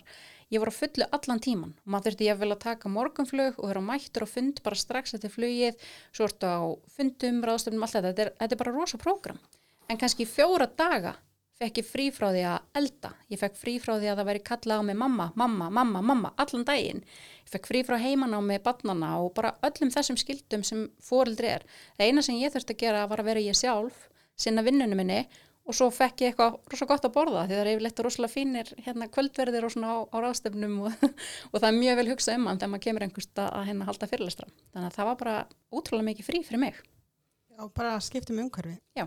það er líka helsta ástæðan fyrir að byrja með podcastið Já, Ég ætla að mér finnst gaman að fræðast um bara andlegt og allt það tengt. En líka Mhm. bara, þetta gefur mér svo mikið. Mér er svo Já. spennandi. Mér er mjög gaman að setja þetta hlusta þér að læra á þér mm og þetta bara mun örgulega að gefa mér búst bara fyrir næstu vikuna. Þannig að ég er alveg, var ekki að taka upp neitt í semafríinu og ég fann bara hvað ég svona minkaði við það. já, Að því minna sem ég geri, því minna frjó Mhm. Af því að nú er ég með óbóðslega frjóan huga og Mhm. ef ég tek kannski aftur upp að morgun Mhm. þá á föstudaginn var ég bara, herri, ég ætla að byrja bók já. og þá geti ég byrja bók en ég, ekki, ég er ekki mannsk sem geti farið einu upp í sumabústað og sami lag eða samið bók eða neitt slíkt ég Mhm. þarf alltaf fyrst að vera innan um fólk og svona nærast af öðrum Mhm. ekkert endilega að tala um þá hluti en bara svona virka þær heilastöðvar og þá verð ég bara, já, ok, herri, til í þetta Mm þannig að Já, og, og það er mitt líka með hérna þennan félagslega þátt. Uh, við erum að sjá mjög áhagara rannsóknir koma núna eftir COVID hvernig áhrif þetta er að hafa á líðan fólks að hafa einangrast mjög mikið. Og þessi félagslega þáttur er oft mjög vannmetinn þáttur í um, bara svona andluðu heilbriði að sko við þurfum ákveðna félagslega örfun mismikið millir einstaklinga og að ve- vera í félagslegum samskiptum. og það er eitt af því sem ég tala svo mikið við þá fóreldrar sem koma til mín og fólk sem er í einhvers konar leit að, að líða betur og líka með sál. Og það er þetta með vináttuna, að rækta vináttu, þú veist að eiga vini sem þú getur leita til og gert skemmtilega hluti með. Þetta er alveg gríðlega mikil uh, svona uh, þetta er bara svo mikil forvörn fyrir því til dæmis að, að veikjast andlega, þú veist að, að hérna ef þú hefur lent í áföllum annað og ef þú hefur engan að leita til, þú veist það verður erfiðara, þannig að því svona betur settur sem maður er félagslega, þú veist að eiga vini og einhvern sem að bara að geta gert eitthvað skemmtilegt með, það er alveg gríðarlega mikilvægt, þannig að við öll þurfum svolítið að, skoða, þú veist, á ég vini til að leita til, þú veist, hvernig get ég að fundi nýja vini, þú veist, get ég farið í eitthvað klúb eða farið inn í eitthvað áhugamál og kynst fólki sem hefur áhugað því saman og ég. Mér finnst líka oft fólk talum sem að hefur búið erlendis eða er utan að landi eða bara frá Reykjavík og flytur að það er svo eitt á einhver vini hér Mhm. til að leita til að ég hef eignast nýja vini, ég fór á svona tónlistanámskeið og mér finnst frekar létt að eignast nýja vini ef ég byrja einhverju nýjum stöðum. Mm en ert þú með kannski einhverja ráleikingar fyrir fólk sem að er ekki kannski jafnopið og ég? Að ég ég skil ekki af hverju fólk er ekki bara opið þó ég skilji það af því að mér finnst bara já hæ ég, ég myndi ekkert ekki hæ þeirra vinni minn en næstu bara við. Hvað detti þér í huga fólk sem er mikið einangrað? Þyrfti kannski meiri erfun og er annarkort bara feimið eða með félagskvíða eða ekki mikið fyrir fólk en væri samt til í að kynast einhverjum? Hvað er þetta að gera? Það er alltaf bara sama að þetta fari kór eða -hmm. einhverja íþróttir eins og náttúrulega COVID svona aðeins að stoppa Það er náttúrulega til dæmis að fara á námskeið, eitthvað sem þú hefur áhuga á og eins og námskeiðin sem ég hef verið að bjóða upp á síðislegin ár, sem bara búin að vera mjög fjölbreytt. Bæði var náttúrulega að fara veist, með konur í ferðir ellendis og svo var ég með námskeiðin í Heilsuborg og bara búin að vera út um allt. Um, mér finnst alltaf ég gaman að sjá að það er konur sem hafa komið á námskeiðin til mín hvað það hefur oft myndast góð vinátta í kjölfarið. Það er að þegar fólk kemur saman á einhverjum stað að þá oft myndast einhverja tengingar og fólk kynnist. Og það er svolítið það sem að mér finnst að fólk eigi verið opið fyrir að það upplifir að það sé ekki að tilheyra hópi og það sé svolítið eitt eða einmanna uh, farðu og fyndur eitthvað sem þig langar til þess að læra meira í. Þú veist, það getur verið námskeið, skilur, það getur verið prjónanámskeið þú veist, það getur verið, einmitt, söngnámskeið eitthvað, og líka finnir fólk með sama áhuga mál já, finnur fólk með sama áhugamál og mynda einhverja tenginga þar. Eh, eins með fóreldarhluturkið, því við erum svolítið að fjalla um það að það er alveg gríðarlega mikilvægt að tengjast öðrum fóreldrum bæði þegar þú ert til dæmis með lítibatn og í fæðingarólofi að hérna fara í einhverja hópa veist, eh, mynda hópa í kringum ungbarnasundið eða mömmuhópar kynnast á netinu og, og fara svo að hittast í raunveruleikanum. Því að þetta getur orðið mjög dýrmætt vinátta sem að kemur upp úr svona mömmuhópum. Og síðan er það svo mikilvægt fyrir okkur sem fóreldra að kynnast til dæmis fóreldrum vina batna okkar til að eiga í góðum tengslum við þá og, og þar oft ég, sko bestu vinkunum mínar í dag eru margar mömmur vinkvenna dætra minna af því að við höfum bara kynst og byrjað að gera skemmtilega hluti saman, þú veist maður er að fara eitthvað með krakkana og gera og svo allt inni bara svona, ef maður alveg hei ef ekki líka bara sleppa krökkunum og fara saman í bústaðið eitthvað? Og það er geggjað. Þannig kynnist maður og, og hérna, eignast nýja vini góða punktur en við rættum það er eitt sem við höfum eftir að ræða mm -hmm. sem að við kannski getum ekkert mikið rætta þegar það er ekki mikið í bóði en Mhm. við veist ágætt að enda þáttin á því um, hvað er hægt að nú erum við búin að tala um hvað er hægt að gera þegar við uppgötum svona einhver enginni kullunar og slíkt Mm að vissulega þá er hægt að panta tími á heimilislækni og það er hægt að panta tími á sálfræðing og þetta er allt mjög mjög dýrt -hmm. En þegar til dæmis fólk er komið alveg í þrótt eins og ég er af- aftur svolítið komin í þrótt og ennþá svolítið að glíma við fæðingaþunglindið frá því fyrra Mhm. að ég ákvað áður en ég myndi fara í já, langt niður og ég gerði fyrir svona fimm árum að þá sótti ég um aftur að fara í virk og þeir samþektu mig að því ég bara er með rauðglóandi allt þrátt fyrir Mhm. að ég hafi nú alveg reynd að ljúga mig út af því en Mhm. þá ætla ég að reyna að fara áður en það er seint Já. áður en just, ég treysti mér alveg núna á vinnumarkaðin Mhm. svo ekki, ég ætla að vona engin að virka sig að hlusta ég myndi alveg treysta mér að fara að vinna 8-4 alltaf daga og svona Mhm. þegar krakkarnir eru byrjaði í leikskóla er mín hugsun núna en ég vissum að það myndi byrja morgun þá myndi ég ekki höndla það Mhm.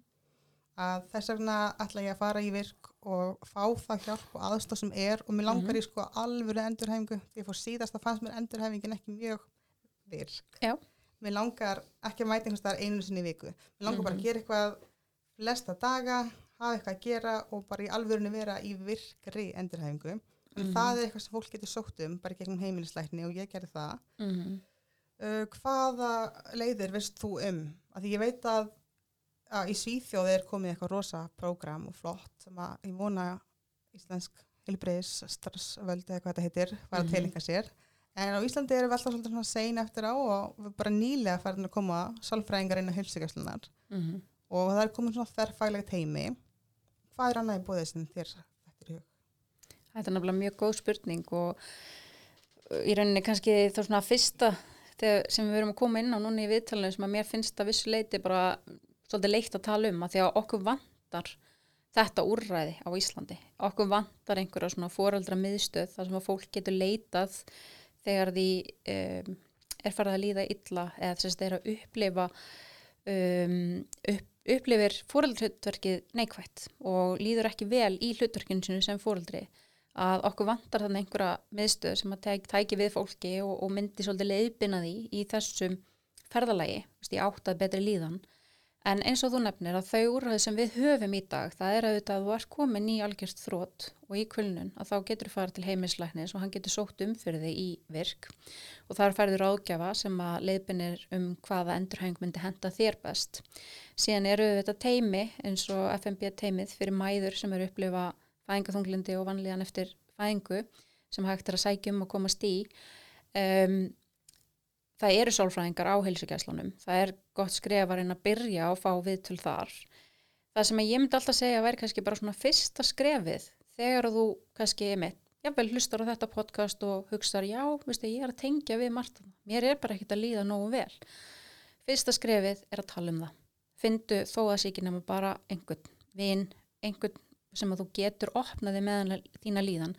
Ekki burðast með þessa líðan ein eða einn það er alltaf fyrsta skrefið og þó þú panti bara tíma hjá heimislæknu og ræðir opið þar að allavega bara fara og opna á það opna samtalið og síðan bara að reyna að finna úrræði og reyna að fá aðstóð fara einhvers það sem þú getur talað um það hvernig þið líður og fengi þá kannski viðeigandi hjálp. Svo líka í bóði sem að mér finnst ekki allir vita af það er þú getur farið til heimilislæknis og sagt að lífið það er bara allt svolítið ofið það þú sérst ekki alveg að ná að vinna fulla vinnu og fóröldra hlutverki og allt að þú getur fengið tímabundi veikindalefi það getur verið vika, getur verið mánuður það getur verið þrýr mánuðir. Að getur líka beðið um minni starfsprósentu mm bara beðið lækni um að skrifa og, og læknir þinn metur það bara ef mm Mhm. ástæði til. Þá jafnvel gætur þú minka nýri bara 8-10% vinnu og bara það að kannski vinna til 3 eða 2 alltaf daga -hmm. væri kannski nóg til að fólk sem er kannski eins og með vefvekikt ein vinkon mín gerir það, hún vinnur alltaf til 2 alltaf daga. Svo hún geti aðeins náð sér niður fyrir klukkan fjögur þegar hún þarf að sækja börnin á leyskóla Mhm. þetta er bara það sem hún gerir, hún fyrir bara heim og slakar festnum í bað áður, að hún er bara búin eftir vinnuna. Mhm. þannig að ert með svona eitthvað verkjarsjúkdóm þannig að þetta er líki bóði og svo er önni vinkon mín sem var að enda að ljúka bara fjögur að vikna veikinda orlofi og það gerði mjög margt fyrir hana. Hún var bara alveg að koksa í vinnu, hún var í yfirmannstöðu þá fekk hún bara svona aðeins að fara frá því og stelpuna fóru bara í skólan sem hún á og að slaka á daginn, hún var ekki alltaf að setja sér þess að kröfu þurfa að mæta eitthvað að gera. Hún bara fór í göngutúra og bara mm Mhm. leiði sér að njóta. Og hún kom náttúrulega ekki eitthvað alveg endur nær það var alveg líka álæg þegar hún kom tilbaka Mhm. en henni fannst betur í stakk búin til að takast á við og hafði pínu svona náðu að hugsa. Þannig það er líka einhver möguleiki. Já, og það er svo greiðlega mikilvægt að við öll bara sem fóreldrar, alveg sem að hvernig við erum að upplifa um, fóreldrar hlutverkið, hvort okkur finnist að auðvelt eða erfitt eða bara allt frá milli, að við verðum að gefa okkur enn tíma í lífinu fyrir það að rækta okkur sjálf og sinna áhuga málum okkar og taka okkur frí. Og það má taka frí veist, þetta er svolítið líka tabú og eitt af því sem að mæður svolítið tala um Má ég skilja bönni mín eftir í IKEA? Emmett, máttu það. En það, við þurfum á þessu frí að halda og við erum með ótrúlega misjafnar aðstæður. Sumir hafa gott stuðningsnet og hafa marga til þess að hérna, hjálpa, aðstóða, ég vil taka börnin, fá pössun á meðan aðrir hafa mjög lítið stuðningsnet og þurfum einhvern veginn á einhvern hátt að búa til sjálf. Og við höfum öll heyrt þessa setningu, þú veist, it takes a village to raise a child, veist, við þurfum þorpið, við þurfum stuðningin En ef við höfum hann ekki og við erum að upplifa að við séum bara vannmáttug og, og þetta sé okkur svolítið ofviða, að þá verður við sjálf að taka fyrsta skrefi til þess að finna stuðning. Og við erum þau einu sem getum borið ábyrð á okkar heilsu og líðan, þannig að við verðum alltaf að vera einstaklingurinn sem tekur skrefið og segir, þú veist, mér langar ég eitthvað betra og ég ætla að ná í það. En fyrir þá sem eru aðstandiðendur, Mm -hmm. hvaða ráleggingar er þetta gefa þeim? Ef að einhverju er að hlusta á, á svona eða dóttir sem að eru að upplega þetta, á bara að bjóða hjálp, fræðslu, hlusta á þetta podcast, geta, geta aðrir hjálpað eða þarf fólk bara átt að segja á sig sjálft? Mér finnst þetta bara mjög góða punkti hjá þér af því að það getur verið mjög viðkvæmt, þú veist, og að vera aðstandandi og þú kannski jáfnvel upplifir að aðeimitt, dóttiðin, dóttiðin eða sinniðin líður ekki nógu vel og þú veist ekki alveg hvað þú átt að gera, þú veist, á ég að fara að taka börnin og segja bara, herðu, fara þú og kvildu þig? eða á ég að bjóða fram ráð eða stuðning, ég myndi alltaf segja bara, fyrst að skrefið er bara að opna samtalið, þú veist, það er bara þessi samskipti að, að hérna, ræða málinn og, og segja bara, þú veist, vera hreinskilin, við erum oft svolítið hrætt við það, að kannski segja bara við okkar nánasta, herðu, ég hef tekið eftir að þú ert svolítið þreytt og hérna, ég er svona velta fyrir mér, þú veist, mætti ég kannski bjóða þær smá meiri stuðning, mætti ég stundum kannski taka krakkana eins og þú færir veist, eini sund eða át í gangu eða eitthvað, veist. Og við eigum ekkert að vera feimin við að, að tala svona við, veist, fólki sem okkur þykir vænt um.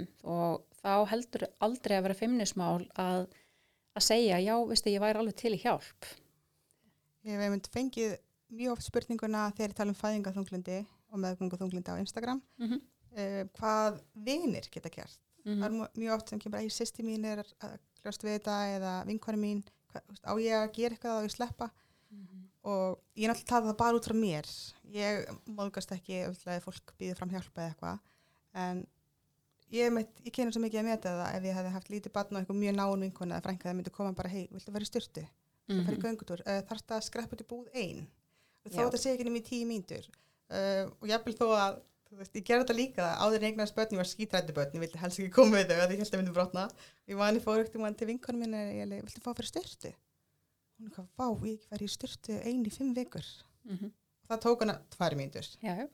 og svo kom ég daginn eftir og þá fór hann í bað og bara, veist, ég var ekkert að laga vandamáli hjá henni en allavega svona smá bara smá gesture að einhver sé einhver sé að koma að hugsa um hann sem móðurina til dæmis, mm Mhm. -hmm. að því að mæður oft gleymast eftir að börnin fæðast þegar börnin eru svona aðall hlutverki þannig að það er rosa mikið hægt að vera bara til staðar og ég er mikill ádándi þess að tala um alla hluti Mhm. og ég tala bara um allt við Mhm. mína nánustu sem að mér finnst vera þessna, þú veist, ef það er eitthvað vandamál þá bara tala um það þannig að Já. þessna kannski er eins og líðum oft bara, æ, Siggi, erum við með ómikið vandamálum en í rauninni eru við bara, erum við bara að tala um allt sem að eru svona litlir árekstrar.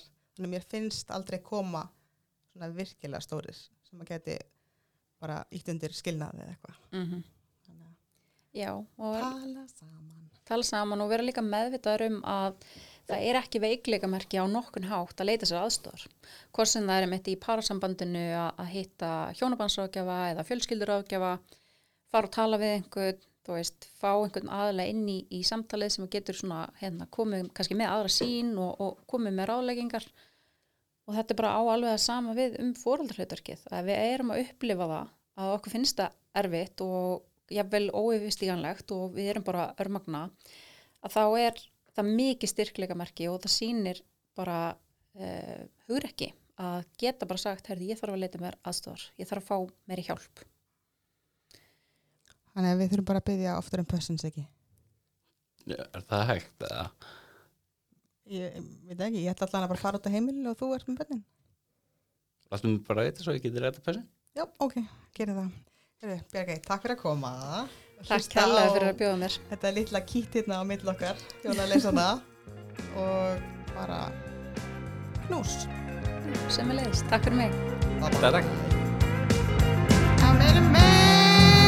of